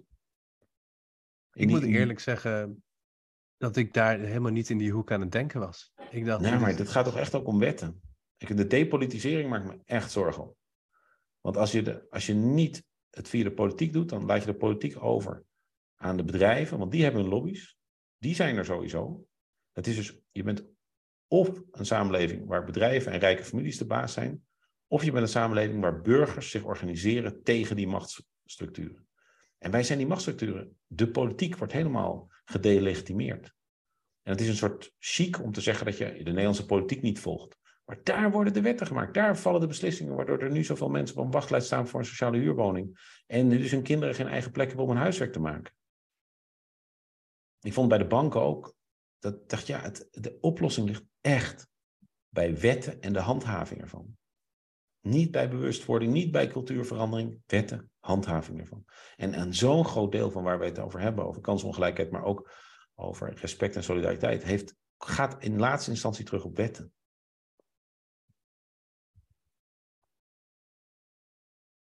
Weet ik niet. En het is niet een chique manier om te zeggen, ik, ik weet het gewoon niet. Dat wist ik niet. En ik weet, ik weet ook niet wat ik daar... Tot tien jaar geleden dacht ik dat. En ik vond die burgerbewegingen super irritant. Eh, tot ik op een gegeven moment merkte van eh, ProRail, die eh, is hier achter een of andere emplancement aan het maken. En ik ben gewoon naar iets verderop staat een veel mooier en groter huis. Ik ben daar gaan praten van, hé, weet je wat ze hier aan het doen zijn? En nu zijn we met een burgerbeweging, hebben we best wat stand. eh. En tuurlijk, weet je, is die lobby van ProRail bij de gemeente veel sterker dan ons eh, zielige clubje. Maar ik zie wel dat we, ehm, dat we, dat we kunnen staan. Weet je, de een is een eh, Duits docent, maar die kan gewoon heel mooi schrijven. hè, Die is heel literair. De ander is een niet heel erg, nou die heeft denk ik niet gestudeerd, maar is directeur van een timmerbedrijf geweest. Dus die is goed om iedereen heel erg bij elkaar te houden. Ehm, ja, ik ben een beetje de strategische denker in dat groep. En ik merk dat we gewoon impact kunnen hebben in, op onze eigen leefomgeving. En dat zijn dan niet de grote problemen hè, en de grote wetten die gemaakt worden, et cetera. Maar ho- hoe wij met elkaar samen leven, in het stukje samenleving wat we samen hebben, daar hebben we zelf toch ook echt redelijk wat impact op. Ik ben de laatste tijd veel. Voorbeeld vind. Wat zeg je? Ik weet niet of ik dit zo'n goed voorbeeld vind. Ja, dat is een beetje mijn ervaring de laatste tijd. Het is voor mij opgeschoven van met de wethouder gaan praten en gewoon wat doen we in de buurt zelf. Ja, maar je hebt het nu eigenlijk over hoe je het, het democratische proces hebt omzeild, gebruikmakend van de privileges van je buurtgenoten, om voor je eigen belang iets binnen te halen. Dat is nou niet echt iets waar ik geïnspireerd van raak. Nou, ik, ik weet niet of ik hem, zo, zo, mag je hem samenvatten, maar ik weet niet of ik hem zo zou samenvatten. Ik heb gewoon veel meer gekeken van hoe kunnen we elkaar helpen en versterken. Ja, bij het najagen van onze eigen particulier eigenbelang. Nou, ik weet niet of tegenhouden van een emplacement waarmee, uh, uh, waardoor de NS dingen niet kan doen. Ja, en, en als ik één ding aan mag toevoegen. Nou ja, nou, de, daar bij mij tegenover wonen ook heel veel uh, gezinnen die de taal niet spreken. Dus die hebben niks begrepen van die brief. En dan zegt ProRail, jullie hebben geen bezwaar aangemaakt, dus we gaan ervan uit dat het goed zit. Dus je merkt ook dat uh, participatieproces die de politiek voor je heeft overgelaten, dat is gewoon een proces waar in ieder geval in deze staat 90% heeft geen idee wat er gebeurt. Dus die kunnen niet participeren. Ja, maar zij zijn niet de enige belanghebbenden. De belanghebbenden zijn iedereen die uh, gebruik maakt van mobiliteit in Nederland. Ja, dat, inderdaad. Dat, dat is het andere belang. Maar als ik gewoon kijk naar, puur naar deze wijk, dat gewoon heel veel mensen niet wisten wat ze moesten doen of waar ze terecht moesten. Ik kan wel met die mensen gaan vertellen van ja, je moet nu op die partij gaan stemmen. Maar dat zo hebben we het helemaal niet gedaan. We hebben het helemaal niet over de politiek gehad. We hebben gewoon aan ze gevraagd: van, vind je het goed dat hier iets achter komt? En dan zeggen ze: dat weet ik helemaal niet. Nou, dan gaat herrie maken, et cetera. En ze gaan s'nachts werken. Dan ze: horen we dat dan? Ja, ik denk het wel. En vervolgens hebben wij die mensen gevraagd: van, wil je dat wij daar iets tegen gaan doen of niet? En, en zo hebben, maar je hebt er wel helemaal gelijk. Er spelen ook andere belangen. Dus zo bedoel ik hem niet. Maar ik zie ook wel, ja, ik ga niet aan die mensen vertellen wat ze moeten gaan stemmen. En, en, en dan? En dan gaan we op een gegeven moment stemmen. En dan vier jaar later is het uh, belang van NS. Ja, misschien is het, het belang van de NS ook wel gewoon groter dan dat van jou en je buurtgenoten. Dat is ook zo. En dat zou ook best kunnen.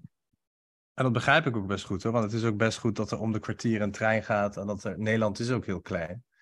Maar het is voor mijn ervaring met dat ik dacht van, oh, we kunnen met de buurt, kunnen we veel beter voor deze mensen opkomen dan, uh, als ik, uh, dan wat ik stem.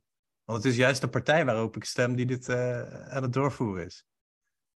Ja. I don't know, man. Ik weet het ook niet. Ik weet het ook niet. Ik, ik, ik ben tegenwoordig veel meer op burgerinitiatieven en gewoon kleinschalig in mijn eigen wijk wat dingen doen dan de innere emigration. Gordijnen dicht terwijl de, de, de bruinhemden buiten marcheren. Maar je zet gewoon de muziek heel hard. Dat, ja, dat weet ik niet. Ik denk uiteindelijk is het gewoon dat, een, dat, dat mensen in elkaar geloven en geloven dat je de beste bedoelingen voor ze, eh, met ze voor hebt. Dan dat ik een of andere politiek verhaal ophang. Maar dat is ook misschien waar jij je aan ergert, hè? Dat je zegt van. Ja, dat vind ik echt. Want ik denk echt dat ik ben zo blij dat feministes niet zo dachten als jij. Want dan zou je, dat de vertaling daarvan is van, nou, ik zorg dat mijn eigen dochter naar de universiteit gaat en ik behandel in mijn eigen omgeving vrouwen goed. En zo'n politiek verhaal ga ik niet ophangen. Terwijl wat we nodig hadden, waren gewoon wetten die ervoor zorgden dat vrouwen gelijk werden behandeld aan mannen. En dan hadden we juist de schaal nodig van politiek. En wat onze rechtsstaat juist zo, zo uitzonderlijk paradijselijk maakt, is dat we juist proberen over ons eigen belang heen te stijgen en verder kijken dan ons particulier belang. En dat collectief doen via wetten die volgens democratische legitimiteit hebben. En het onderhoud van dit systeem, waarvan ik het alternatief in Egypte echt van dichtbij heb mogen bestuderen. Het onderhoud van dit systeem is gewoon bijna helemaal weg. Dat ook, er wordt, ik ken hem uit de jaren tachtig, opa verteld, zo vaak dat mensen waarschuwden voor het verval van de democratie. Dat is helemaal weg. Het is nu stoer om te kakken op de democratie. Terwijl de enige dat je kan kakken op de democratie is dat we een democratie hebben. Ik nodig iedereen uit die kakt op de democratie om een spandoek te maken. Ik vertaal het voor je. Sisi is een homo. En dan ga je daarmee naar Tahrir Square. En dan kom ik je twee weken later opvegen uit de Torah Prison.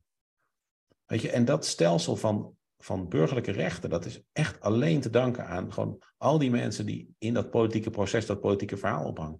De, de moeite die politieke partijen tegenwoordig hebben om lokale bestuurders te vinden. Als dat wegvalt, Nou ja, tot zover mijn little speech. Zoals dat nou ja, we, we, komen gewoon een heel nieuw, nieuw onderwerp in hoor. Uh, dus, dus, laten we het ook even inkaderen of, of voor een andere podcast. Ik ben het niet met je oneens dat het om het collectief gaat. En ik bedoel het ook niet voor mijn eigen dochter of mijn eigen uh, individuele belang. Ik zie alleen van waar ik zit dat er heel veel goede wetten zijn, maar dat die gewoon niet goed uitgevoerd worden. Ik hoef persoonlijk niks meer over beleid te horen. Af en toe word ik nog gevraagd om een filosofisch stuk te schrijven voor een belangrijk beleidsnotitie, maar volgens ik daar gewoon helemaal niks van terechtkomen. Dus ik ben daar gewoon niet zo van onder de indruk. Ik heb veel liever dat er iemand bij het gemeentehuis dat beleid menselijk toepast, dan dat jij fantastisch beleid gaat schrijven. Want het is voor mij gewoon. een valse keuze. De, de, de, keuze is dat we ervoor zorgen dat er goede wetten komen die goed worden gehandhaafd. Zodat we dus niet afhankelijk zijn van de willekeur van een individuele ambtenaar.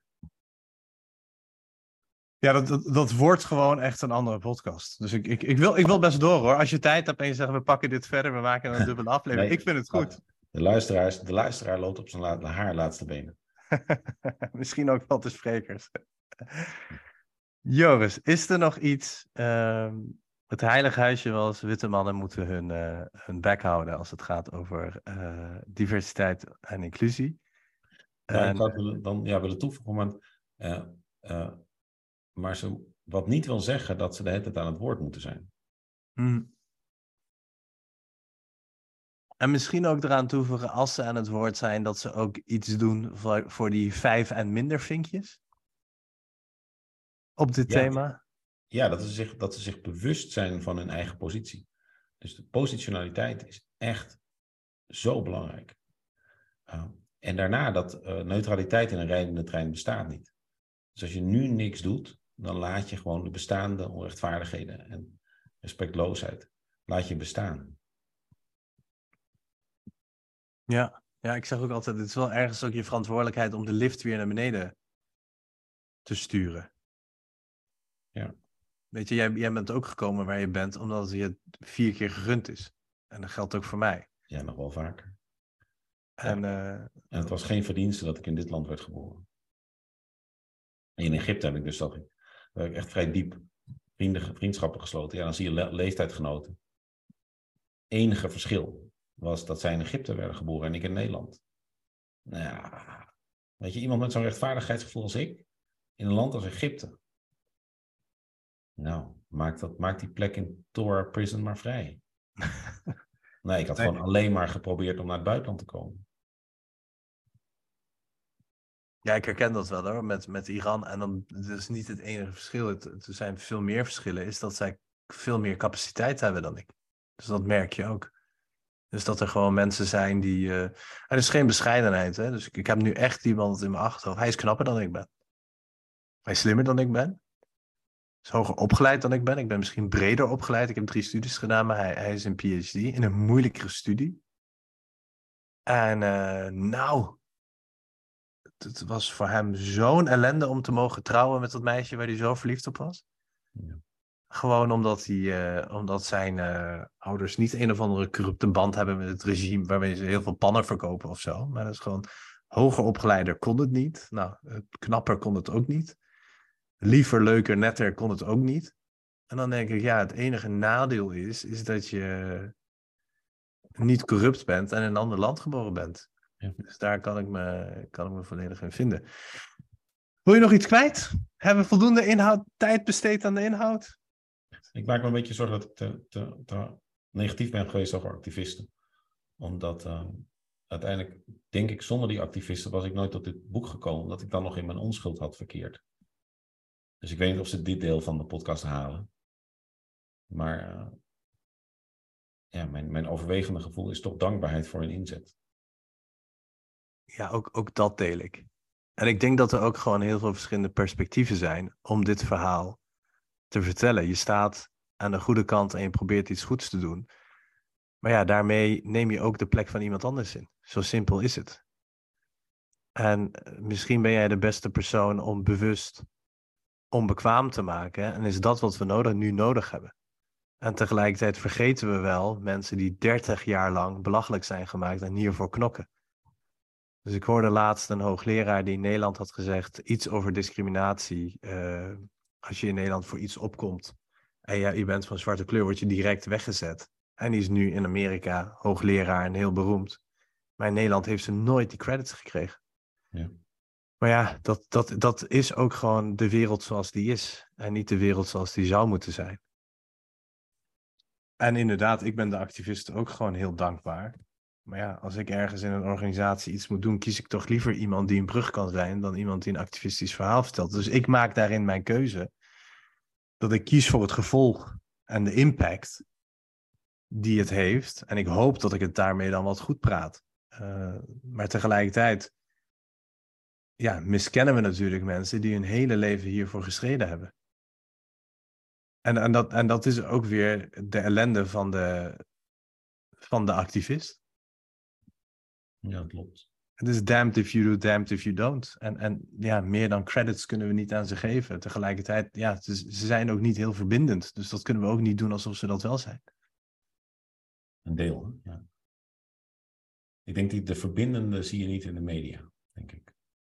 Ja, en dat is waar ik ook nog even aan dacht, is toen je zei van, uh, wat moeten we, en uh, wat mij betreft maakten we even een gekke weer naar de politiek, maar misschien was dat ook juist heel belangrijk voor ons jou, maar ik denk dat we dus de, iemand moeten, in al die categorieën moeten we mensen hebben die het genuanceerde verhaal kunnen vertellen. Dus even in mijn woorden, en de facticiteit en de transcendentie. En die boeren zijn er ook, maar die komen nooit aan het woord. Er was laatst een artikel over een genuanceerde boer. En die zei, ja, alle talkshows bellen mij. En dan vervolgens zeggen ze, ja, wat een heel genuanceerd verhaal, dus laat maar. En ik denk dat het ook uh, taak is van de journalistiek uh, om die genuanceerde mensen ook wat meer aan het woord te laten. Misschien heb je dan minder lezers, maar dan heb je wel een, uh, een mooiere samenleving. Ja. Zullen we het hierbij laten, meneer Luijendijk? Dat, ja? Heel erg bedankt voor je tijd. En uh, het mooie gesprek. Ik kan het boek aan iedereen aanraden. Trouwens, alle boeken. Dus mocht je denken, ik wil nog van een paradigma wisselen, dan is Joris Leidijk echt de schrijver die je moet lezen. En uh, ja, Zeven Vinkers raad ik aan aan iedereen die het boek niet wil lezen. Dus of je nu aan het activistische kant zit en je zegt diversiteit en inclusie, dat moet. Dan stel ik voor dat je, dat je het boek leest, want daarin eh, zie je ook hoe je uh, de doelgroep die je eigenlijk wilt bereiken, kunt bereiken. En aan iedereen die er niks mee heeft, denk ik, nou, lees dat eens, want wellicht word je nog eens bewust onbekwaam. Joris, dank. Dankjewel, zie je.